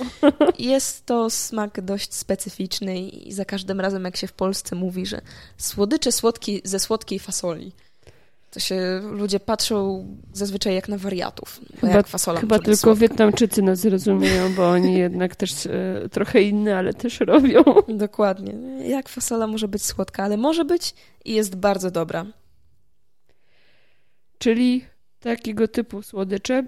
E, a pamiętam, że jak e, byłam na tym spotkaniu, które prowadziłaś, to e, w tej uproszczonej wersji to były takie ciasteczka, które tak, się na papierku tak, tak. podawało. Tak. Oprócz właśnie omogasi czy namagasi e, mamy tak zwane higashi, czyli słodycze suche. I to są słodycze, które podaje się do lekkiej herbaty. To jest bardzo często na przykład cukier wyciskany w jakiś kształt, albo jakieś y, senbei, ciastko ryżowe. Tych pudrowych cukierków to chyba nie lubię jednak, bo to jest bardzo, to bardzo jest mało taki... w tym jest smaku, prawda? Tak, tak ja myślałem, że to jest do słodzenia herbaty. tak naprawdę pełni poniekąd taką funkcję, ale zamiast wrzucić to do herbaty, zjadamy to przed jej wypiciem, żeby ten słodki smak i herbaciany. Ja na to nie, mówię, nie lubię mówić ani gorzki, ani cierpki, bo, bo tak naprawdę nie oddaje to smaku. Żeby one się tak wymieszały i stworzyły taką fajną harmonię. No to w innych kulturach też taki zwyczaj wiem, że jest w krajach perskich czy krajach arabskich też brało się grudki po prostu cukru do ust i potem się zapijało dopiero herbatą, nie wrzucało się i nie mieszało łyżeczką. I tak. chyba to samo w Rosji. Do tej herbaty serwowane jest samowaru, Czasami prawda? tak. Mhm. mhm. Czyli to nie jest wcale taki e, wynalazek. Ja myślałam, że to jest właśnie taki bardzo rosyjski wynalazek, ale okazuje się, że jak zwykle na świecie ludzie wymyślają Wszędzie, wszystko. Wszędzie tak. na świecie herbata jest z Chin i nazywa się cia, tylko w Polsce nazywa się herbata. Myśmy zaczęli od ziół. A powiedz mi jeszcze, e, jeżeli chodzi o to spotkanie, to te słodycze to jest tak jakby moment przed herbatą jeszcze, prawda? To nie jest tak, tak jak u nas na deser. Tak. Tylko tak jak powiedziałaś, tak. bierzemy coś słodkiego do buzi mhm. i po to, nie wiem, może, może sobie to e, źle tłumaczę, ale tak, żeby w pewien sposób te kubki smakowe mm, przygotować, naostrzyć na, na, na ten smak herbaty. Być może tak właśnie jest. Chodzi o to, żeby mieć jakby dalej to wspomnienie słodkiego w ustach, żeby to tam dalej jakoś tak grało, było może niekoniecznie bardzo intensywnie, nie, nie pijemy herbaty mając te słodycze w ustach, ale staramy się zjeść przynajmniej jeden z nich, bo zazwyczaj podajemy tak, żeby goście mogli wziąć po dwa. Staramy się zjeść jeden z nich, wypić tę herbatę, drugi możemy zjeść albo później, albo zostawić, żeby zjeść przed drugą herbatą bo podczas spotkania może, mówi się, że można wypić. Można popro- jak najbardziej można i nawet należy często poprosić o drugą czarkę e, tej lekkiej herbaty. O trzecią może już niekoniecznie, bo to już tak trochę przeciąganie struny. Kiedy, jeśli chce się napić ciało, to się po prostu można napić wody. Na herbatę się idzie, żeby się napił duch. Mhm. Czyli jemy te słodycze, potem próbujemy tej, e, tej herbaty e, i jeżeli to jest herbata usucia, czyli ta delikatniejsza, no to dostajemy swoją czarkę. Mhm. Jeżeli to jest koicia, czyli ta gęstsza, wszyscy piją z jednej czarki. I teraz tak. ja mam do Ciebie pytanie mhm. takie, bo bardzo często prowadzicie te e, ceremonie dla ludzi, którzy albo nie byli w Japonii, albo w ogóle nie są um, nie są do końca obeznani z tą sztuką. Jak ci Europejczycy czy, czy e, Polacy ogólnie reagują na sytuację, kiedy e, przejawem bardzo, że tak powiem, tradycyjnej, eleganckiej mm, sztuki herbaty jest picie z jednej filiżanki. Czy zauważyłeś, żeby oni mieli z tym kłopot? Zaskakuje ich to?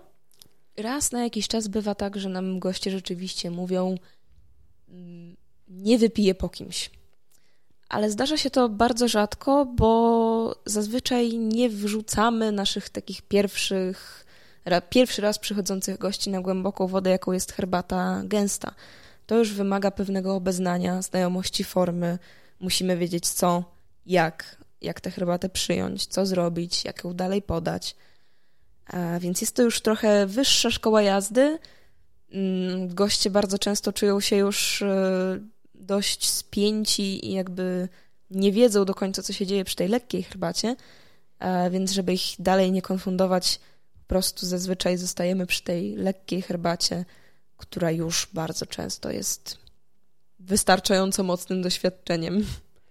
Tak, zwłaszcza jeżeli ktoś w ogóle nie, nie jest przyczajony do takiego, Dokładnie. do takiego smaku i, i konsystencji. E, a powiedz mi, gdyby ktoś chciał to doświadczenie chociaż trochę odzorować potem w domu. E, powiedzmy, że kupi sobie trochę lepszą herbatę, koniecznie właśnie szczelnie zapakowaną, albo przywiezie ją nawet z podróży, to e, czy.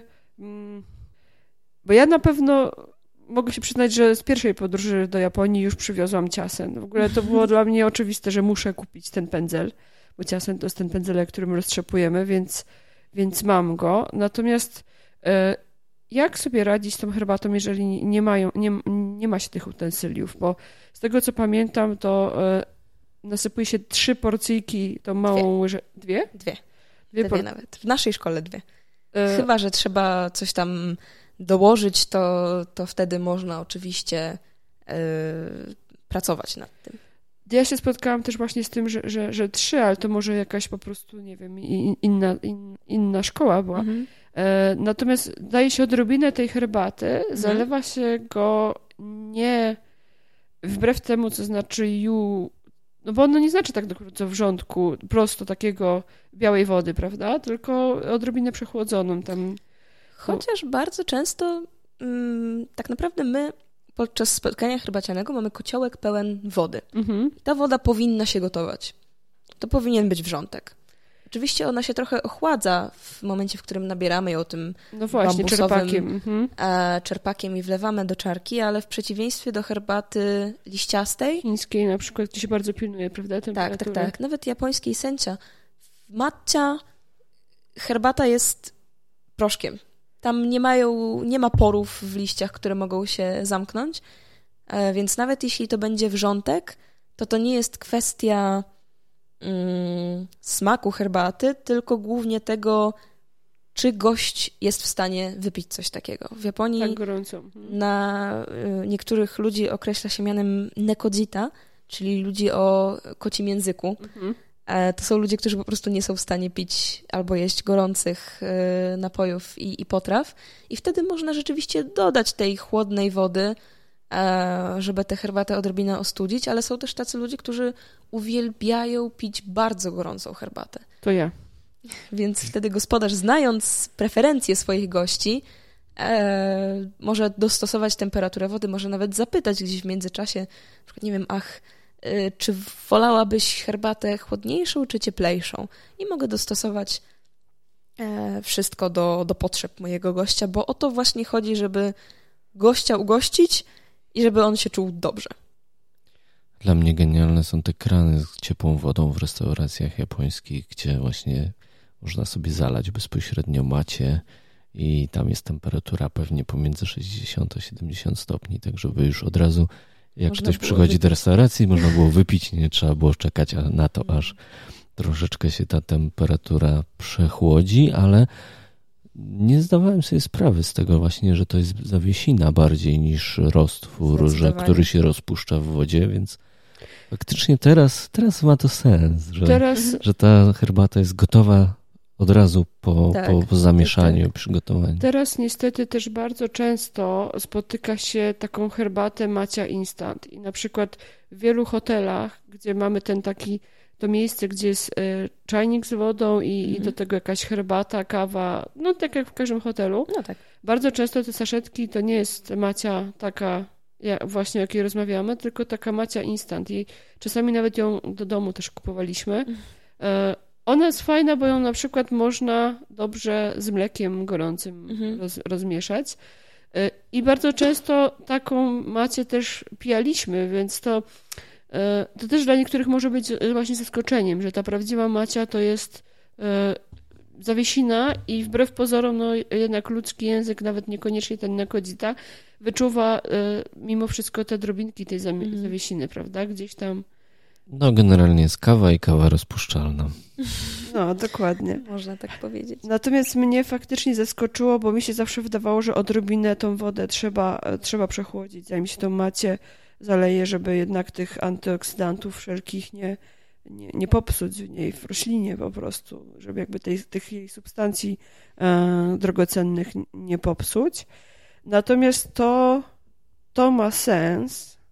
I tutaj chyba przejdziemy do kolejnego pytania e, z naszej grupy. Jak ty dobrze pamiętasz. E, to ma sens. Ja obiecałem dziewczynom, że będę pilnował. Jeszcze tutaj kilka pytań jest, także Szykujcie się, bo dziewczyny nas zamordują, jak, nie, jak tych pytań nie zadamy. No właśnie, bo, bo inną, inną nazwą e, na drogę herbaty, czyli sado.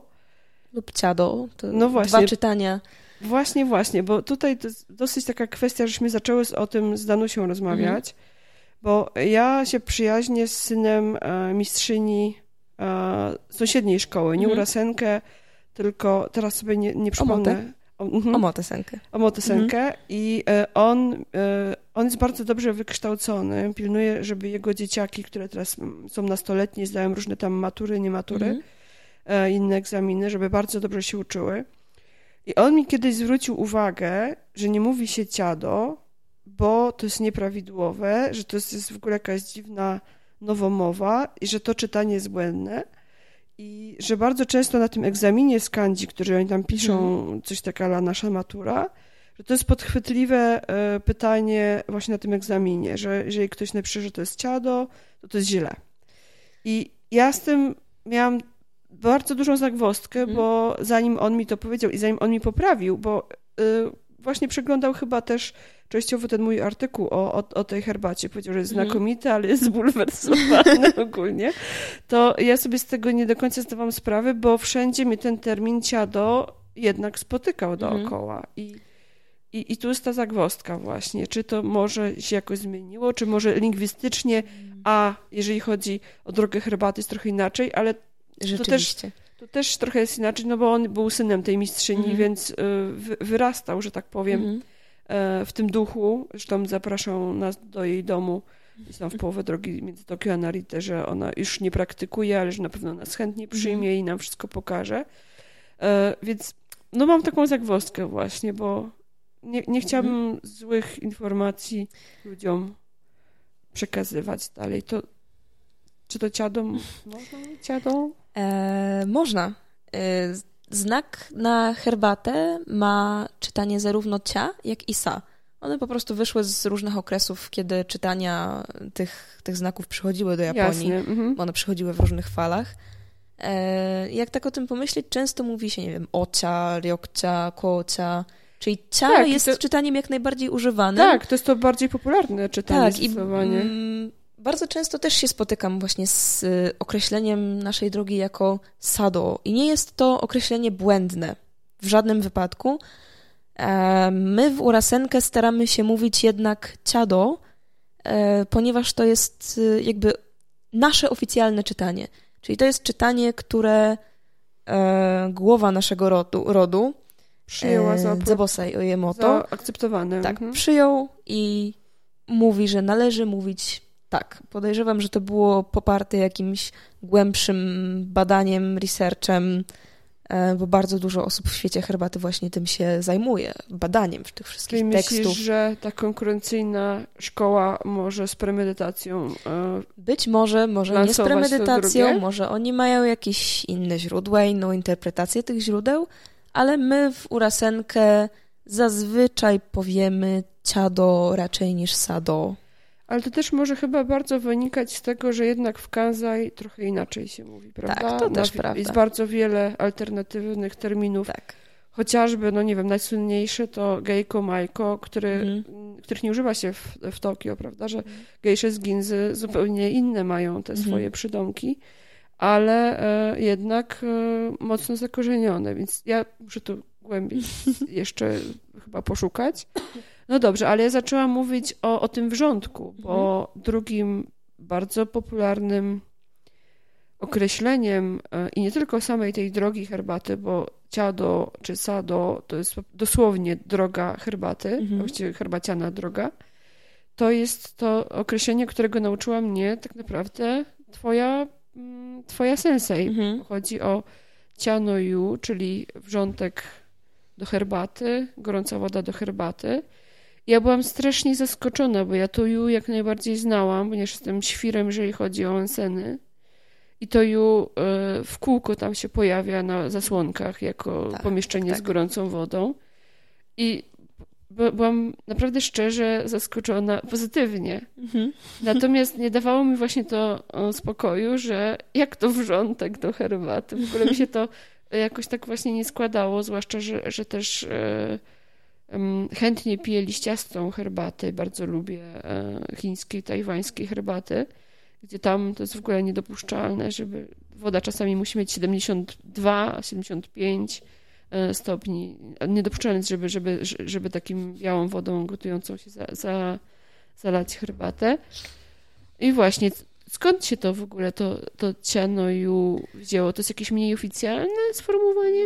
Nawet nie. Cianoju jest tak naprawdę określeniem wcześniejszym. Takim opisowym, prawda? Opisowym i pojawiało się w tekstach y, dotyczących herbaty i w tekstach dotyczących teorii e, właśnie herbaty dużo wcześniej i częściej niż ciado, czyli tak naprawdę to ciado jest takim trochę ciado, sado, cokolwiek tam. Wysublimowanym. Kto, tak, którekolwiek przyjmiemy. Taką opracowaną. E, Tak, to już był moment, w którym zaczęto określać przeróżne rzeczy jako do, droga e, i zaczęto to, to, tak trochę kategoryzować, ale rzeczywiście e, na przykład w tekstach przypisywanych uczniom Rikyu, który zrewolucjonizował herbatę i stworzył właściwie herbatę w formie, jaką mamy dzisiaj w naszej szkole. W tekstach, które oni zapisywali z jego nauk, właściwie nie znajdujemy, wydaje mi się, słowa ciado, a dużo częściej znajdziemy cianoju. Na przykład w jednym z e, bardziej znanych wersetów, pochodzącym ze zbioru zwanego Rikyu Hyakushu, czyli 100 wierszy Rikyu, a właśnie 100 wersetów z naukami przypisywanymi e, Rikyu, zapisanymi przez jego uczniów, znajdziemy wers Chano yutowa tada yo wakashi e, chao tatete nomu bakari naru koto o shirubeshi.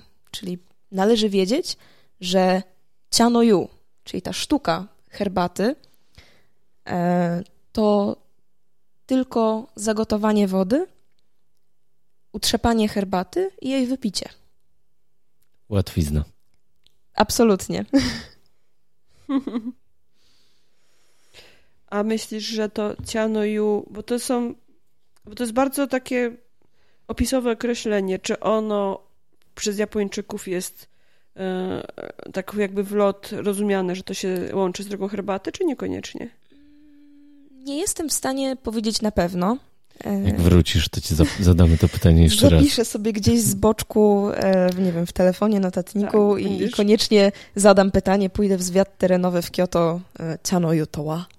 No, dokładnie. Czym jest Chanoyu? Zapytamy i dowiemy się, czy, czy ludzie w Kyoto kojarzą. Wydaje mi się, że jest to określenie raczej znane.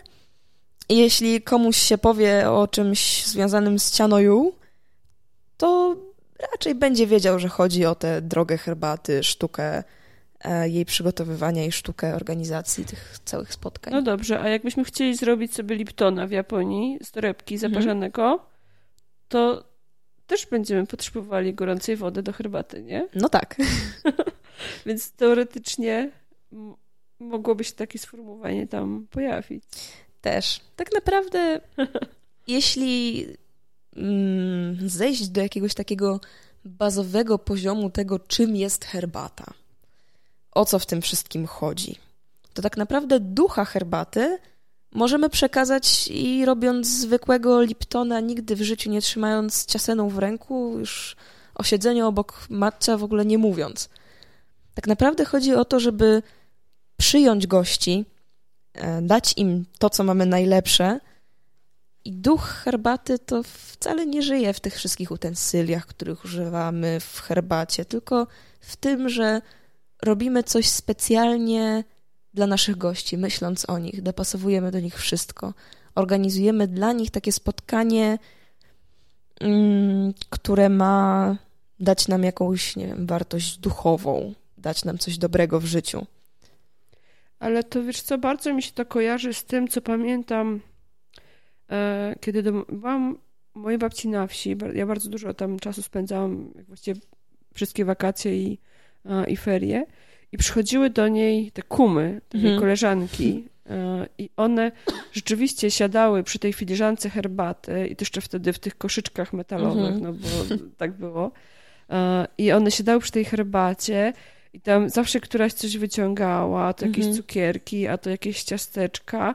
I, I faktycznie one siedziały tak sobie, wcale niekoniecznie musiały plotkować, tylko mhm. tak gdzieś przy tym piecu przytulone, tak sobie razem spędzały ten czas i to, tak. i to bardzo piękne tak, było. Myślę, że to jest właśnie taka esencja herbaty i znów wracamy do, do tego, że może nie tyle terminologii, co tego, że ludzie wszędzie wymyślają to samo. Mhm. Jakiś taki hive mind totalny e, działa na całym świecie i chociaż ta gościnność, która jest sednem herbaty, przyjęcie gości, jest typowo japońska i oczywiście ubrana w tę japońską szatę pokoju, utensyliów, herbaty, kimona, nie kimona, nie wiadomo czego.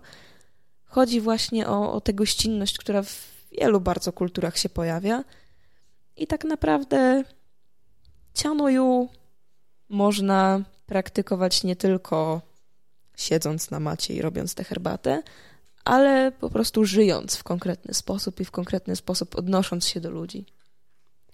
No dobra, to wiemy, że to jest pojemny termin, e, jeśli chodzi o właśnie ceremonie herbaciane, ale mimo wszystko mamy właśnie też jeszcze pytanie u nas na grupie było, mhm. czy można popełnić jakieś fapa, czyli czy są jakieś popularne pomyłki, które się zdarzają, mhm. jakieś głupie rzeczy, które ludzie na ten temat mówią, a które są niezgodne z, pra mhm. z prawdą, albo czy zdarzyły ci się jakieś śmieszne sytuacje, e, związane z, nie wiem, e, przekręceniem czegoś mhm. w trakcie ceremonii, czy no, czy można popełnić mhm. jakieś e, savoir-vivre'owe tutaj e, nietakty.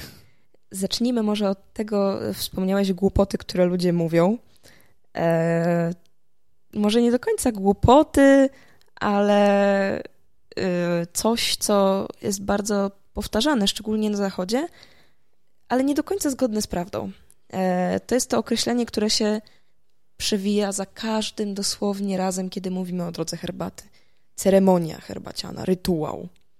To się jakoś tak kojarzy bardzo religijnie, wzniośle, pompatycznie. Z mszą satanistyczną mi się tak, kojarzy, jakieś takie, jakieś ofiarowaniem takie... kozła. Bo kota. Albo kota. Dokładnie, jakieś takie przedziwne rzeczy. E, my staramy się bardzo unikać tych e, określeń, mówimy o spotkaniach herbacianych dużo częściej niż o rytuałach czy, czy ceremoniach. Jeśli chodzi o FOPA, kiedyś na, na naszych zajęciach na Keiko usłyszałam frazę, która mi utknęła tak naprawdę w głowie i która mnie bardzo często w niektórych momentach wspiera. W czasie Keiko, w czasie ćwiczeń, nic nie można zrobić w 100% dobrze. Zawsze jest coś, co trzeba poprawić bo po to się uczymy, tak? Żeby się poprawić. Nigdy nie myślimy, ach, ja to już wiem wszystko, ja to już mogę w ogóle przestać. Do widzenia, dobranoc, ja już jestem mistrzem. Mówcie mi sensen. Dokładnie. E, więc na Keiko nic nie możemy zrobić dobrze. Za to na spotkaniu herbacianym, kiedy już jesteśmy gościem, tak naprawdę nic nie możemy zrobić źle. Nikt nam nie wytknie, chyba że będzie to jakaś sytuacja niebezpieczna dla ludzi czy przedmiotów. Wtedy ktoś delikatnie zwróci uwagę, czy mogłabym prosić, nie wiem, żeby nie opierać się o ściany. Bo w pokojach herbacianych ściany są delikatne, pokryte gliną, papierem. U nas jest to bardzo ciężko wymienić, więc my zawsze zwracamy uwagę, że prosimy o niewnoszenie, nie wiem, plecaków, e, torebek, e, toreb od aparatów, e, nie opieranie się o ściany zdecydowanie. Ale tutaj chyba można im to tak zasugerować, że nawet samurajowie zostawiali te miecze. To, dokładnie, to, dokładnie. To tak... Pokoje herbaciane miały specjalną półkę, na którą samuraj odkładał swój miecz e, i wchodził po pierwsze bez, bez broni, bez jakiegoś e, niebezpiecznego zamysłu, e, no a po drugie bez niebezpieczeństwa dla przestrzeni delikatnej, pokrytej papierem, gliną, bambusem. Więc każdy się może poczuć jak samuraj na takiej ceremonii. Wiesz co, ja uwielbiam to słowo ceremonia, ale nie dlatego, że jakoś gloryfikuje i, i umacnia, mhm. tylko po prostu to słowo dla mnie tak pięknie brzmi. E, jest tak po prostu, e, nie wiem, ten sposób, e, ono aż dźwięczy mi gdzieś mhm. w uszach. Zupełnie nie mam takich konotacji negatywnych jak Konrad, wręcz przeciwnie. Nie, ja nie mówię koniecznie, że to jest negatywne. Po prostu w dzisiejszych czasach ceremonia nie jest może modnym słowem, mhm. bo raczej się nie praktykuje rytuałów. Mhm. Ale ceremonia zaślubin albo nie wiem, ceremonia nadania tytułu doktora. Znaczy, ja mhm. pracuję na uczelni, więc u mnie jednak to słownictwo takie Istnieje. dosyć starodawne, można powiedzieć, że takie archaizmy cały czas funkcjonują, one mi się wydają zupełnie normalne. Mm. Czekam na kolejną ceremonię, mam nadzieję, że się uda, ale e, no dobrze, to, to taki, taka, taka dygresja, mm. ale czy zdarzyło się, że ktoś zrobił dziurę u was papierze albo... Zdarzyło się, zdarzyło się. Była jakaś ekipa telewizyjna chyba i, i, zrobili nam dziurę w siodzie, dalej nie wymieniliśmy tego papieru. Dalej się za to nie zabraliśmy. E, ale zdarzają się takie sytuacje. No, przestrzeń jest używana, staramy się ją bronić tak, jak możemy, mówić gościom, żeby nie robili czegoś, zwracać uwagę, żeby nie wiem, nie wchodzili w butach, łapać ich, żeby, żeby nie dotykali, nie brali nam rzeczy. E, nie dlatego, że im nie ufamy, tylko dlatego, że po prostu wiemy, jak delikatna jest ta przestrzeń i jak łatwo chwila nieuwagi osoby, która nigdy w takiej przestrzeni się nie znajdowała, e, może skończyć się mm, katastrofą dla przestrzeni osoby i wszystkich zaangażowanych. Czyli od dzisiaj nie będziemy mówili, że jak słoń w składzie porcelany, tylko jak ekipa telewizyjna w pawilonie herbacianym. Ale są też bardzo fajne ekipy telewizyjne, które znają się na rzeczy, robią wszystko tak jak trzeba, e, więc y, nie wszystkie, nie wszystkie ekipy telewizyjne to, to demony i zagrożenie. A czy ktoś wylał kiedyś herbatę na tatami? Oj, żeby to raz. I co wtedy się robi? Zabiera się czarkę, jak ktoś ma przy sobie kajsi, czyli takie papierki ryżowe, na, których, e, na które bierzemy swoje słodycze, to zazwyczaj się zasypuje to wszystko tym e, kajsi. Jak ktoś ma jakąś swoją chusteczkę, którą zawsze powinniśmy mieć tam w rękawie, czy w swojej torebce takiej z rzeczami gościa, to, to się wyciera.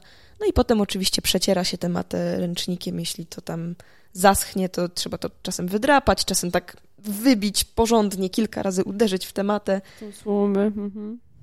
Więc to się da, e, da wywabić jak najbardziej i nieraz się zdarzało tak, że ktoś potrącił czarkę i cała czarka herbaty się rozlała na matę. No właśnie, a tak przy okazji tych papierków, to mhm. ja pamiętam, że, że taki jest mm, zwyczaj, że jeżeli ktoś jest ubrany w kimono, ma te szerokie rękawy, to po zjedzeniu tego y, jakiegoś smakołyku, tych słodyczy, które są serwowane na tym papierku, to mhm. się powinno go schować do, do, do rękawa. Mhm. A co jeżeli ktoś przyjdzie ubrany e, w jofuku, normalne takie e, zachodnie ubranie mm. i na dodatek jeszcze nie ma żadnych kieszeni? Kieszeni. A jak nie ma kieszeni? Mm, jak nie ma kieszeni, to jeśli jest, siebie włożyć? Jeśli jest człowiekiem, który praktykuje herbatę, e, zazwyczaj ma swoje fukusabasami. Mm. To jest taka mała torebka w wielkości naszego, powiedzmy, portfela. większego portfela mm. albo prawie kopertówki.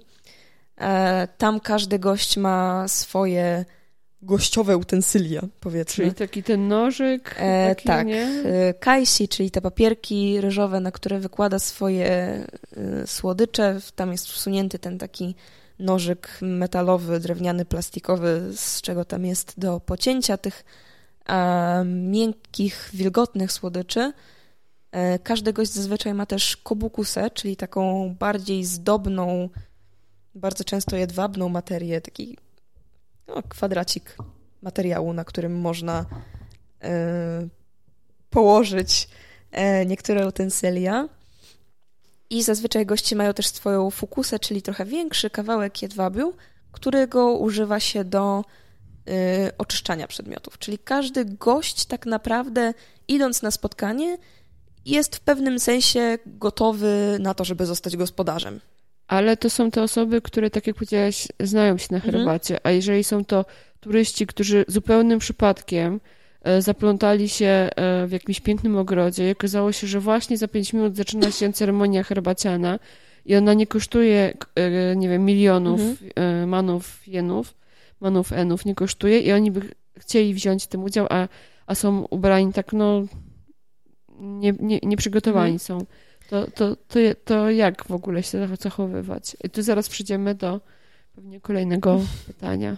Wtedy już wchodzi, e, można powiedzieć, gościnność, czy e, po japońsku to jest kinotsukai, czyli jakby używanie, mm, zwracanie uwagi na to, co się mhm. dzieje. Gospodarz nie chce stawiać gości w sytuacjach niezręcznych, ale gospodarz jest zawsze uważny, E, skupia się na gościach, nie myśli o milionie innych różnych rzeczy, tylko to moment, w którym organizuje spotkanie herbaciane, to moment, w którym jego pełna uwaga jest poświęcona gościom. Czyli on wychwytuje takie niezręczności i jakoś im to ułatwia. Absolutnie. I właśnie chodzi o to, żeby goście czuli się komfortowo, żeby oni mieli dobre przeżycie, żeby to był dobrze spędzony czas, a nie czas, kiedy siedzą na tej macie, nie do końca wiedzą, co się dzieje, gdzie rękę włożyć, nogę, nie wiadomo, gdzie patrzeć i w ogóle, tak, co no, ja tutaj nogi robię. Nogi drętwieją, trzeba klęczeć. Ja myślę, że tutaj zasada standardowa też turystyczna się przydaje, że jak nie wiesz, co robić, to rób to, co robią wszyscy naokoło. Tak, ale też w duchu herbacianym jest to, że, że gospodarz zauważy i na przykład powie, ach, jeśli bolą cię nogi, absolutnie usiądź inaczej. Po turecku. Po turecku na przykład. Ważne jest tylko to, żeby nie wystawiać nóg przed siebie, bo my nóg nie kładziemy w czasie posiłku na stole, yy, więc też nie, nie wywalamy ich gdzieś tam przed siebie na matę. No bo tatami jest poniekąd naszym, naszym stołem. stołem. No dobrze, czyli jak już jesteśmy przy tych turystycznych pokazach, e, właśnie herbaty, tradycyjny, tradycyjnych pokazach ceremonii. Kurczę, teraz nie wiem, jak mówić o tym. Możesz mówić ceremonii, bo to będzie zrozumiałe jednak dla, dla tych e, ludzi mniej zaangażowanych. Małgorzata się pyta, czy są takie pokazy w Japonii po angielsku, czy, czy, czy nie trzeba znać japońskiego? No oczywiście, że są, prawda? To oczywiście, wszyscy, że są. To wszyscy wiemy. Ja mogę rozwinąć to pytanie troszeczkę w stronę taką, że e, w jaki sposób uniknąć totalnych pułapek turystycznych, które służą wyciąganiu kasy i nie mają nic wspólnego z faktyczną tradycją, mhm. czyli właśnie jak wybrać sobie taką ceremonię gdzieś tam podczas wyjazdu, żeby ona jak najbardziej była właśnie zbliżona do tej klasycznej kultury. Bo my e, długo, długo polecaliśmy to miejsce, w którym my byliśmy i my byliśmy tam parę lat temu. To było, jejku, ta ceremonia miała miejsce chyba 7 lat temu. Mhm. I bardzo to wspominamy mm, tak, że to było prawidłowo zrobione. Zwłaszcza upewniłam się po, mhm. po tym, co się od was e, nauczyłam, że, że mimo, że to było bardzo krótki ciakaj i też e, e, było, oprócz nas chyba jeszcze jedna para była też gadzińska, to wszystko było bardzo, bardzo prawidłowo, mimo, że w leciutko przy przyspieszonym mhm. tempie. Natomiast teraz po latach parę osób jakby z tego z tej naszej rekomendacji tam próbowało szukać tego miejsca i, i, i twierdzili, że tak było wszystko po łebkach, że nie wiedzieli, co się dzieje, że w ogóle, e, że, że, chyba się to skończyło, może ktoś inny się tym zajął, mhm. albo nie wiem, może zmienili formułę. No właśnie, gdzie, gdzie szukać? Czy, czy mogłabyś nawet może coś, coś polecić, albo jakieś strony internetowe, albo coś w tym stylu, bo e, no, nasza grupa jednak podróżnicza, e, dużo naszych słuchaczy słucha tych naszych audycji także po to, żeby e, pewne jakieś takie mm, turystyczne, nie bójmy się tego mhm. słowa, rekomendacje chyba też znaleźć, byłoby fajnie. Mhm. Tu muszę się przyznać, że nie będę chyba w stanie wiele pomóc. W Japonii byłam tylko raz i był to wyjazd y, bardzo mocno herbaciany, ale też bardzo Mocno zorganizowany. Mocno zorganizowany. Byłam z moimi nauczycielami, byliśmy w oficjalnych miejscach naszej szkoły, na oficjalnych spotkaniach, e, ale myślę, że miejsca nie najgorsze to świątynie.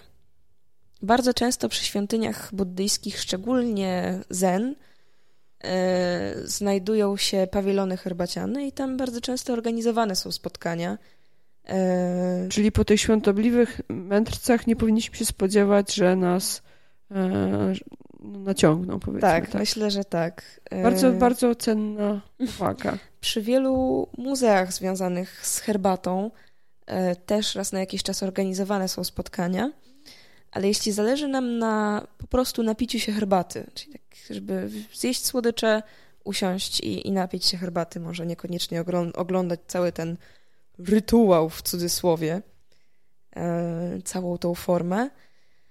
Bardzo dużo jest miejsc w Japonii, w parkach, e, przy świątyniach, w różnych miejscach takich turystycznych, e, w których zobaczymy na przykład ławkę pokrytą czerwonym suknem i czerwony parasol.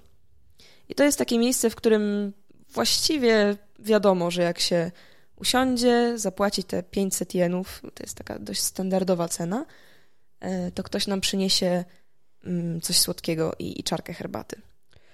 Takie pawilony herbaciane, nawet o tym chyba pisaliśmy ostatnio, mówiliśmy w naszej audycji o ogrodach japońskich, e, można właśnie bardzo często spotkać i jednym z takich bardzo charakterystycznych jest pawilon w tym ogrodzie przy świątyni Todajdi w Narze. I ten pawilon tam jest bardzo charakterystyczny, zresztą jest przy samym wejściu praktycznie do ogrodu, więc wypatrujcie koniecznie czerwonej ławeczki.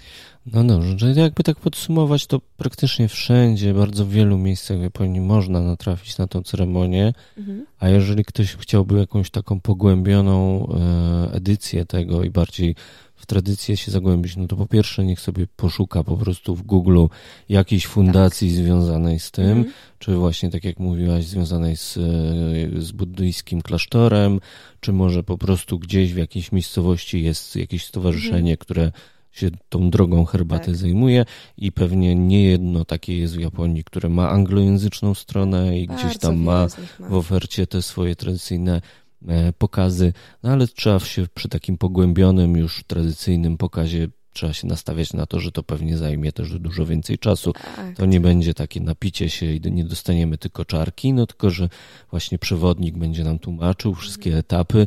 Pewnie musimy sobie zarezerwować właśnie z półtorej godziny półtorej, czasu, albo trzech może albo czasu na to, żeby właśnie w tym uczestniczyć. No ale pewnie można się mnóstwa rzeczy nauczyć i poobserwować sobie z gracją właśnie Japończyków, którzy mają we krwi te właśnie swoje Zdecydowanie. E, te, te, swoje tradycyjne zachowania. Ja myślę, że my możemy poprosić Martę, bo Marta wyjeżdża na rok teraz do Kyoto, żeby po prostu będąc tam, a przecież na pewno będzie miała dużo do czynienia z herbatą, może jakieś, zwróciła uwagę na jakieś dwa, trzy miejsca i e, na naszej grupie się za jakiś czas podzieliła taką rekomendacją. Postaram się, jeśli tylko będę miała czas, yy, to, to postaram się popatrzeć. Dzięki. No, także ja jeszcze przypomnę i zareklamuję naszą grupę, jeżeli ktoś nas słucha i jakimś cudem go jeszcze na grupie nie ma. Grupa nazywa się Japonia Budżetowo Tanie Podróżowanie. E, znajduje się na Facebooku, więc wejść tam można sobie przez odnośnik www.facebook.com ukośnik groups ukośnik Japonia Budżetowo i e, można tam wiele rzeczy zrobić. Między innymi można wyszukać właśnie takie rekomendacje, o jakich sobie teraz rozmawiamy, ale ja też wrzucam zazwyczaj z wyprzedzeniem e, informacje o podcastach, więc też można od razu dowiedzieć się przedpremierowo, e, co tam będzie się w podcastach działo. Można też, e, tak jak tutaj w czasie tej E, audycji zadać swoje własne pytanie, dopytać się o coś, co nas frapuje. I tu przy okazji okazuje się, że załatwiliśmy ostatnie pytanie, bo jeszcze się właśnie Danuta pytała o rodzaj ceremonii herbacianej na zewnątrz, poza, poza pawilonem. Także tak jak wspomniałaś, można sobie pod tą parasolką na czerwonym suknię i to jest taka, rozumiem, tradycyjna metoda tak, tak. kontemplowania mhm. sobie herbaty. Jest jeszcze jedno pytanie i myślę, że to dla Marty będzie podwójnie ciekawy temat, bo e, było pytanie o kimono herbaciane. -hmm. Bo wiemy, że ono jest trochę inne. Zresztą e, odrobinę o tym opowiadała już Kinga Owczarska e, w audycji wcześniejszej, więc jeżeli ktoś chce się dużo nauczyć o kimonie i dowiedzieć, to zapraszamy także do podcastu z wywiadem z Kingą. Ale właśnie, kimono herbaciane, o co chodzi? Może zanim przejdziemy do kimona herbacianego, jeszcze wrócę na dosłownie chwileczkę do, tej, do tych spotkań na zewnątrz, e, bo herbata nie zamyka się tylko w pokojach. Bardzo często wychodzimy z nią na zewnątrz. Są formy przystosowane do odbywania się, można powiedzieć, w ogrodach. Są specjalne utensylia, które były tak naprawdę wymyślane, żeby można było robić herbaty na zewnątrz. Ale czy można... jakieś bardziej osłonięte palenisko, coś w tym stylu? Tak, nie wiem, czy kiedyś widzieliście, można wyszukać sobie w internecie, jak wygląda misonodana. Tak. Jest to taki stolik, takie dwie jakby półki, tam się znajduje palenisko, jest taki stoliczek, który je łączy. I to było tak naprawdę wymyślone po to, żeby ci biedni obcokrajowcy, którzy tak nie mogą siedzieć, e, mogli na przykład w ogrodzie usiąść na krześle i na tym krześle też przyjąć tę te, te herbatę i też jakoś w tym uczestniczyć bez skupiania się y, na tym, jak ich bolą nogi. To mi strasznie jakoś tak pasuje do tych angielskich dam pi pijących tak, o piątej tak, tak. herbaty. Tak, ale można też po prostu wziąć nasze codzienne utensylia, znaczy codzienne jak codzienne, takie, których używamy zazwyczaj, i wynieść to w zupełnie piękne miejsce. Za trzy lata temu? Czas strasznie biegnie, strasznie się gubię. Yy, na moich pierwszych warsztatach herbacianych letnich, co roku mamy takie intensywne letnie warsztaty herbaciane, byliśmy w Szczawnicy. Szczawnica, piękne miejsce w polskich górach. Któregoś dnia stwierdziliśmy, że chcemy poćwiczyć, chcemy zrobić herbatę na zewnątrz, w naturze. Więc wzięliśmy te wszystkie nasze maty, O Boże, utensylia. nie, na, na tą tratwę takie, Dunajcem, takie... nie. Nie, nie, nie, nie, nie, nie, nie, nie, nie. E, wzięliśmy te nasze maty, zarzuciliśmy na ramiona, wszystkie nasze utensylia zarzuciliśmy na ramiona e, i poszliśmy do wodospadu, który znajdował się nieopodal. Niewielki, taki górski, górski strumyczkowy. Tam na dole jest takie zawsze oczko. Znaleźliśmy tam w miarę płaskie miejsce, przekopaliśmy je tak, żeby usunąć głazy. Jeden usuwaliśmy chyba z godzinę, bo okazał się być strasznie duży i chyba ze cztery osoby go wyciągały. Więc generalnie przemodelowali, przemodelowaliśmy trochę krajobrazu. Yy, ułożyliśmy maty, wcześniej jeszcze posprzątaliśmy trochę to oczko, bo tam było mnóstwo jakiegoś plastiku, butelek, torebek, yy, więc tam trochę no, oczyściliśmy, niestety. przemodelowaliśmy, rozłożyliśmy maty i tam ćwiczyliśmy. Więc jak najbardziej można yy, robić to zupełnie w dziczy. Czy jakaś, jakiś specjalny termin nazwa na takie zewnętrzne cer Nodatę. ceremonie? Nodatę, czyli... Mm, formy spotkania w polu. A jeśli chodzi o ubiór herbaciany, rzeczywiście kimono herbaciane jest y, trochę inne, można powiedzieć, od tego, o czym zazwyczaj myślimy, mówiąc o kimonie. Bo kiedy myślimy o kimonie, to bardzo często myślimy o, nie wiem, wielkich, kolorowych wzorach, długich bardzo rękawach, e, zupełnie niesamowitych rzeczach. Natomiast y, ubiór herbaciany powinien być przede wszystkim skromny. Czy to będzie kimono, czy to będzie jofuku, czyli nasze zachodnie ubrania. Hmm, powinien to być strój specjalny. Jakby taki, w który włożymy trochę myśli, czyli nie jakieś tam pierwsze, lepsze dresy, t-shirt y, jakiegoś zespołu i, i lecimy nawet, nawet japońskiego zespołu. Nie? Nawet japońskiego zespołu. Powinno być to coś bardziej przemyślanego. Klasycznym strojem japońskim na takie spotkanie jest kimono iromudzi, czyli bez wzorów, jednokolorowe. jednokolorowe. Te kolory zazwyczaj są przygaszone raczej niż jakieś jaskrawe. Kimono takie powinno mieć e, jeden herb, jeden mon e, i to jest wtedy uważane za najbardziej, najlepszy herbaciany strój. E, mężczyźni zakładają jeszcze bardzo często hakama, czyli takie spodnie zakładane na kimono które też troszkę podbijają formalność tego stroju. A czy jeżeli chodzi o gości, to, to też jakieś reguły obowiązują? Bo wiadomo, że jeżeli chodzi o mistrza, to on po prostu jakby tym strojem ma nie, nie rozpraszać uwagi, mhm. nie odciągać tej uwagi od herbaty, prawda? I mhm. od tego, od tej kontemplacji. A, a czy goście e, też mogą się, e, czy, czy muszą się ubierać tak skromnie, czy mogą się bardziej wyjściowo? Najlepiej by było. Jeśli gościem jest osoba, która praktykuje herbatę, no to rzadko kiedy założy coś pstrokatego w wielkie wzory, furisody i jeszcze nie wiadomo jakie dziwne co. Goście również starają się nie zwracać jakoś na siebie uwagi. Nie nosimy biżuterii, nie nosimy e, bardzo widocznych ozdób.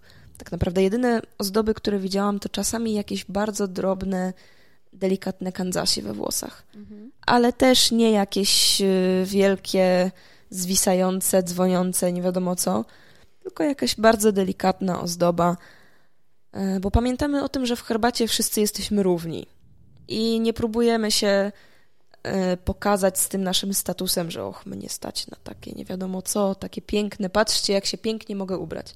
Czyli to poniekąd jest taka trochę lekcja pokory. Bardzo. Tego też nas często uczy, mówi się o tym często w kontekście wejścia do pokoju, ponieważ wiele pokoi herbacianych e, ma tak zwane nijiri guci. Czyli to malutkie przejście. Takie malutkie przejście, przez które trzeba się przesunąć na kolanach, a które przypomina nam, że nieważne kim jesteśmy na zewnątrz, czy jesteśmy panem feudalnym, czy jesteśmy prezesem wielkiej firmy, e, zwykłym człowiekiem, nie wiem, sprzątającym ulicę, uczącym w szkole.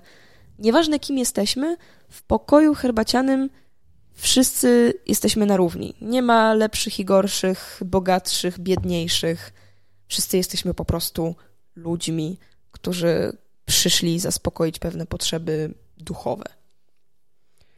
Bardzo, bardzo ładna myśl na koniec właśnie i, i, i ta informacja o tym e, wyjściu mi się kolejny raz e, nasunęło takie, takie porównanie z tym, co pamiętam z, z polskiej e, z polskiej wsi takiej prostej, że, że drzwi do izby były bardzo małe po to, żeby człowiek wchodząc jakby pochylał się i, i mówił to pochwalony i tak mhm. dalej. Więc poniekąd ten, ten patent u nas też niezależnie wymyślono, czyli mhm. ponownie ten motyw się pojawia.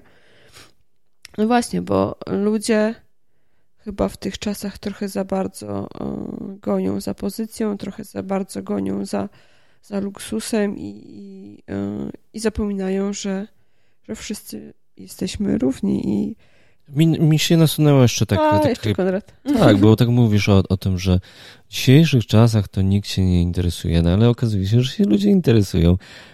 Coraz e, więcej jest tych ludzi, czy raczej jest to garstka i, i faktycznie jest to takie, że większość ludzi to nie obchodzi i sobie tak w elitarnym tym gronie e, się rozwijacie i bawicie w to? Może niekoniecznie elitarnym, bo, bo zawsze staramy się nie myśleć o sobie jako, nie wiem, wyższych stworzeniach. No, wszyscy jesteśmy takimi samymi ludźmi, nieważne czy uczymy się herbaty, czy nie. Pamiętajcie, nieważne czy się uczycie herbaty. tak naprawdę już od czasów Rikiu, czyli ten, można powiedzieć, szczyt herbaty i te początki herbaty skromnej, którą obecnie praktykujemy, nawet Rikiu mówił, że herbata umiera że to jest tylko garstka ludzi, przecież to wymrze w ciągu pokolenia. I tak przez cały czas się mówi, a ta herbata jakoś tak dalej ciągnie. My na pokazach już w Polsce często słyszymy pytanie, właściwie nie było ani jednego pokazu, na którym bym była, żeby ktoś nie zapytał, a czy każdy Japończyk to wie, czym jest herbata, czy jakby tak rzucony na maty umiał zrobić? Oh my god, to ja umiem odpowiedzieć na to pytanie. Nie.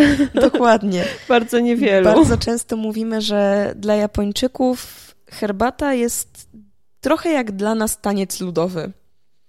Każdy słyszał, każdy widział, wie, że istnieje coś takiego, może nawet gdzieś tam w którejś szkole, na którymś etapie edukacji miał styczność, nie wiem, tańczył tego krakowiaka czy innego berka, czy, czy jakoś się zetknął. Chałupce, Chałupce wywijał, może nawet, ale nie każdy będzie wiedział, jak to zrobić.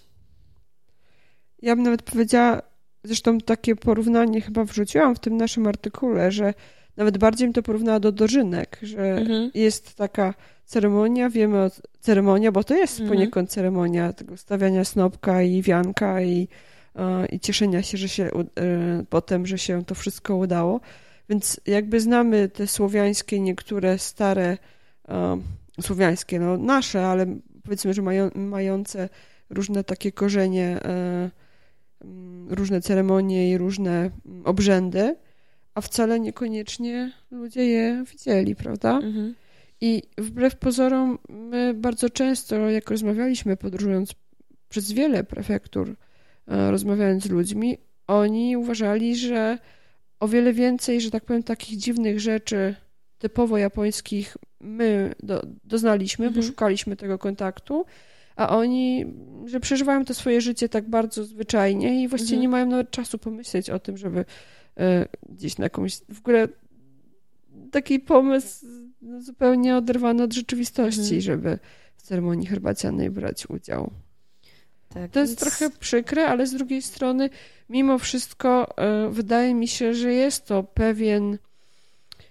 Czy ludzie, którzy się już decydują na, na udział w tym, czy, już jako gość, a nie, mhm. nie mówiąc o tym, że uczyć się e, tej drogi jakoś tak mm, już konkretniej, mimo wszystko chyba mają jakieś głębsze potrzeby te duchowe. Istnieje taka szansa. Na pewno musi być jakiś impuls, który nas zaprowadzi na tę drogę. Wielu jest, wiele jest osób, które przyjdą do nas, usiądą, powiedzą, że ach, było super, ale nie wszyscy zostają, nawet większość nie zostaje, ale po prostu dla niektórych to działa. Jak to nie zostaje? Bardzo bym chciała, żeby wszyscy ci ludzie, którzy byli u nas na jakichś pokazach, zasilili stowarzyszenie. A, w tym, w tym sensie. W tym sensie. No właśnie, to może to jest e, ten moment, e, gdzie możemy zapytać, czy jak wygląda rekrutacja do waszego stowarzyszenia? E, wygląda tak, że zapraszamy zawsze.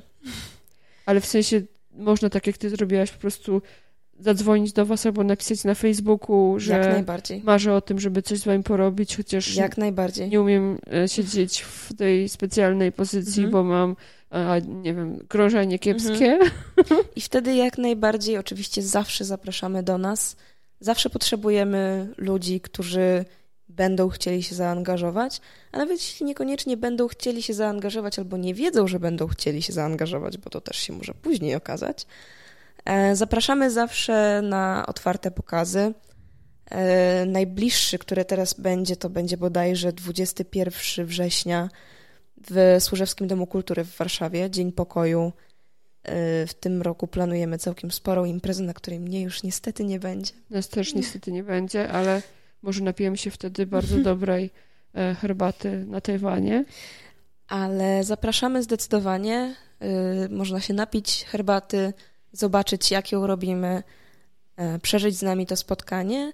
No i oprócz tego, oczywiście, zawsze mamy drzwi otwarte dla, dla osób, które chcą do nas dołączyć.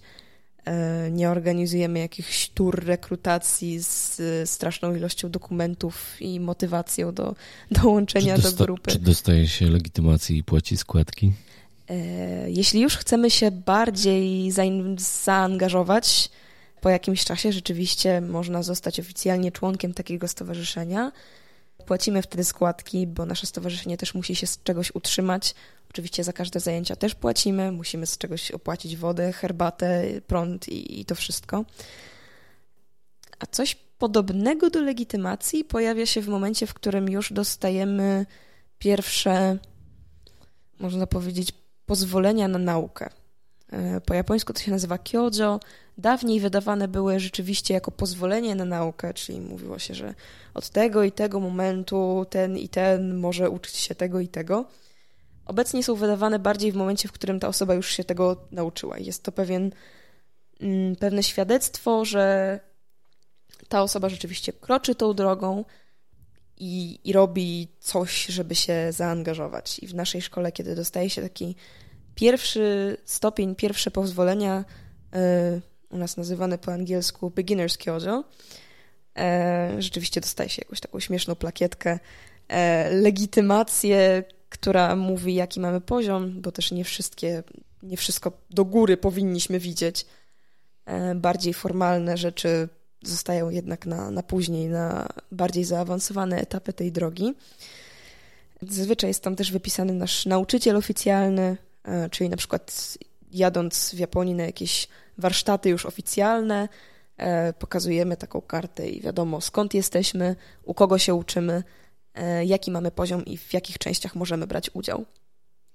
No, no dobrze. Czy jeżeli słucha nas jakiś sponsor również, który chciałby na swojej stronie napisać, że jest mecenasem japońskiej drogi herbaty Urasenkę, to też zapraszamy, Zapraszamy. do kontaktu, przekażemy namiary i myślę, że taką współpracę również można nawiązać najbardziej, myślę, że- e, bardziej komer- komercyjną. Myślę, że wszystko da się dogadać. Na naszej stronie na pewno pojawią się namiary na e, Stowarzyszenie to Warszawskie Urasenkę Tankokai e, Sunshinkai. Mhm. E, Myślę, że e, jeżeli ktoś będzie miał więcej pytań, to możecie też je e, kierować czy do nas, czy, czy, do, e, czy tutaj do naszego gościa.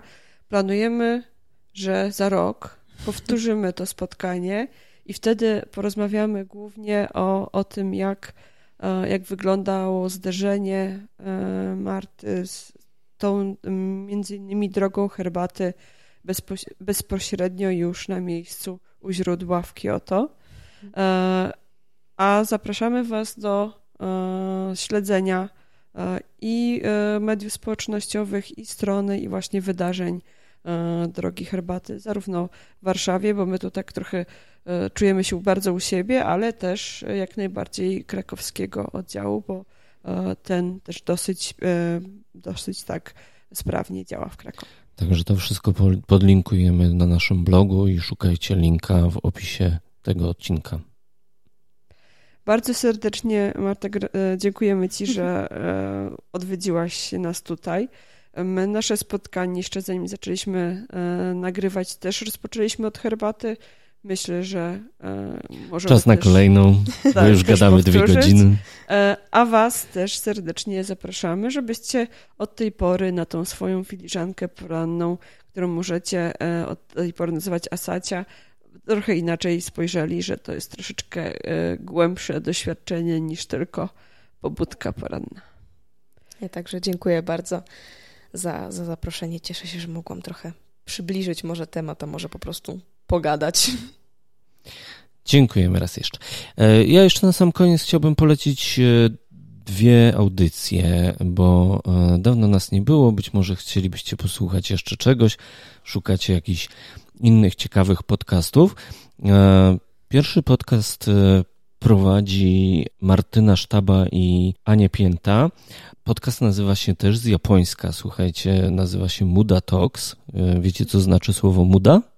Słowo muda po japońsku znaczy coś, co się mm, niepotrzebnie zmarnotrawiło, czyli jakiś taki zbytek, który mógłby jeszcze mieć użytek, ale go wyrzucamy, bo uznajemy, że nie jest potrzebny, choć moglibyśmy go zachować, zatrzymać, bo jak najbardziej jeszcze nadaje się do użytku. I, I, ten podcast dziewczyn e, jest o rzeczy ważnej w dzisiejszych czasach, czyli o, o tym, jak powinniśmy się zachowywać w, w świecie, gdzie właśnie za dużo jest tego konsumpcjonizmu, który prowadzi do kryzysu i gospodarczego, i klimatycznego, więc o takich rzeczach jak właśnie o ekologii, o gospodarce obiegu zamkniętego, no i jak dziewczyny same mówią o, o tym, jak ratować świat.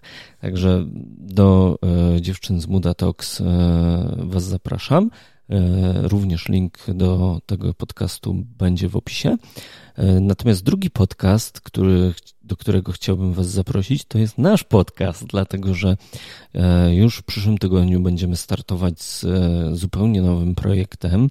Postanowiliśmy troszeczkę go oddzielić od podcastu o Japonii, a to dlatego, że będzie on wykraczał poza Japonię, będzie mówił o Azji, o całej Azji, a konkretnie o kuchniach azjatyckich i będziemy zapraszać do tego naszego podcastu gości, którzy będą opowiadali właśnie o jakimś azjatyckim jedzeniu. E, pewnie japońskie akcenty też się tam pojawią, więc jeżeli nie tylko e, interesujecie się Japonią, ale ogólnie Azją, albo ciekawi Was właśnie tematyka e, azjatyckiego jedzenia, to bardzo Was do tego podcastu zapraszamy.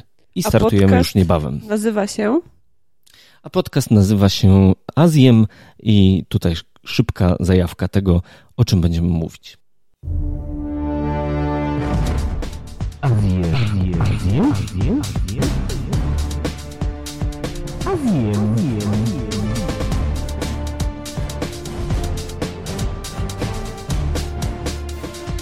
Mama nas nie nauczyła, żeby nie gadać przy jedzeniu, a więc będziemy gadać. Kuchnie Azji. Niewymuszona atmosfera. Doświadczeni goście, którzy zjedli zęby na azjatyckiej kuchni, ci, którzy karmią Was na co dzień na festiwalach, na nocnych targach, w swoich food truckach, w swoich restauracjach, a także kulturoznawcy, mniejszości ze swoimi potrawami i zwyczajami i podróżnicy, ludzie, którzy w Azji spędzili pół życia. www.azjem.com Subskrybujcie już dzisiaj. Już dzisiaj.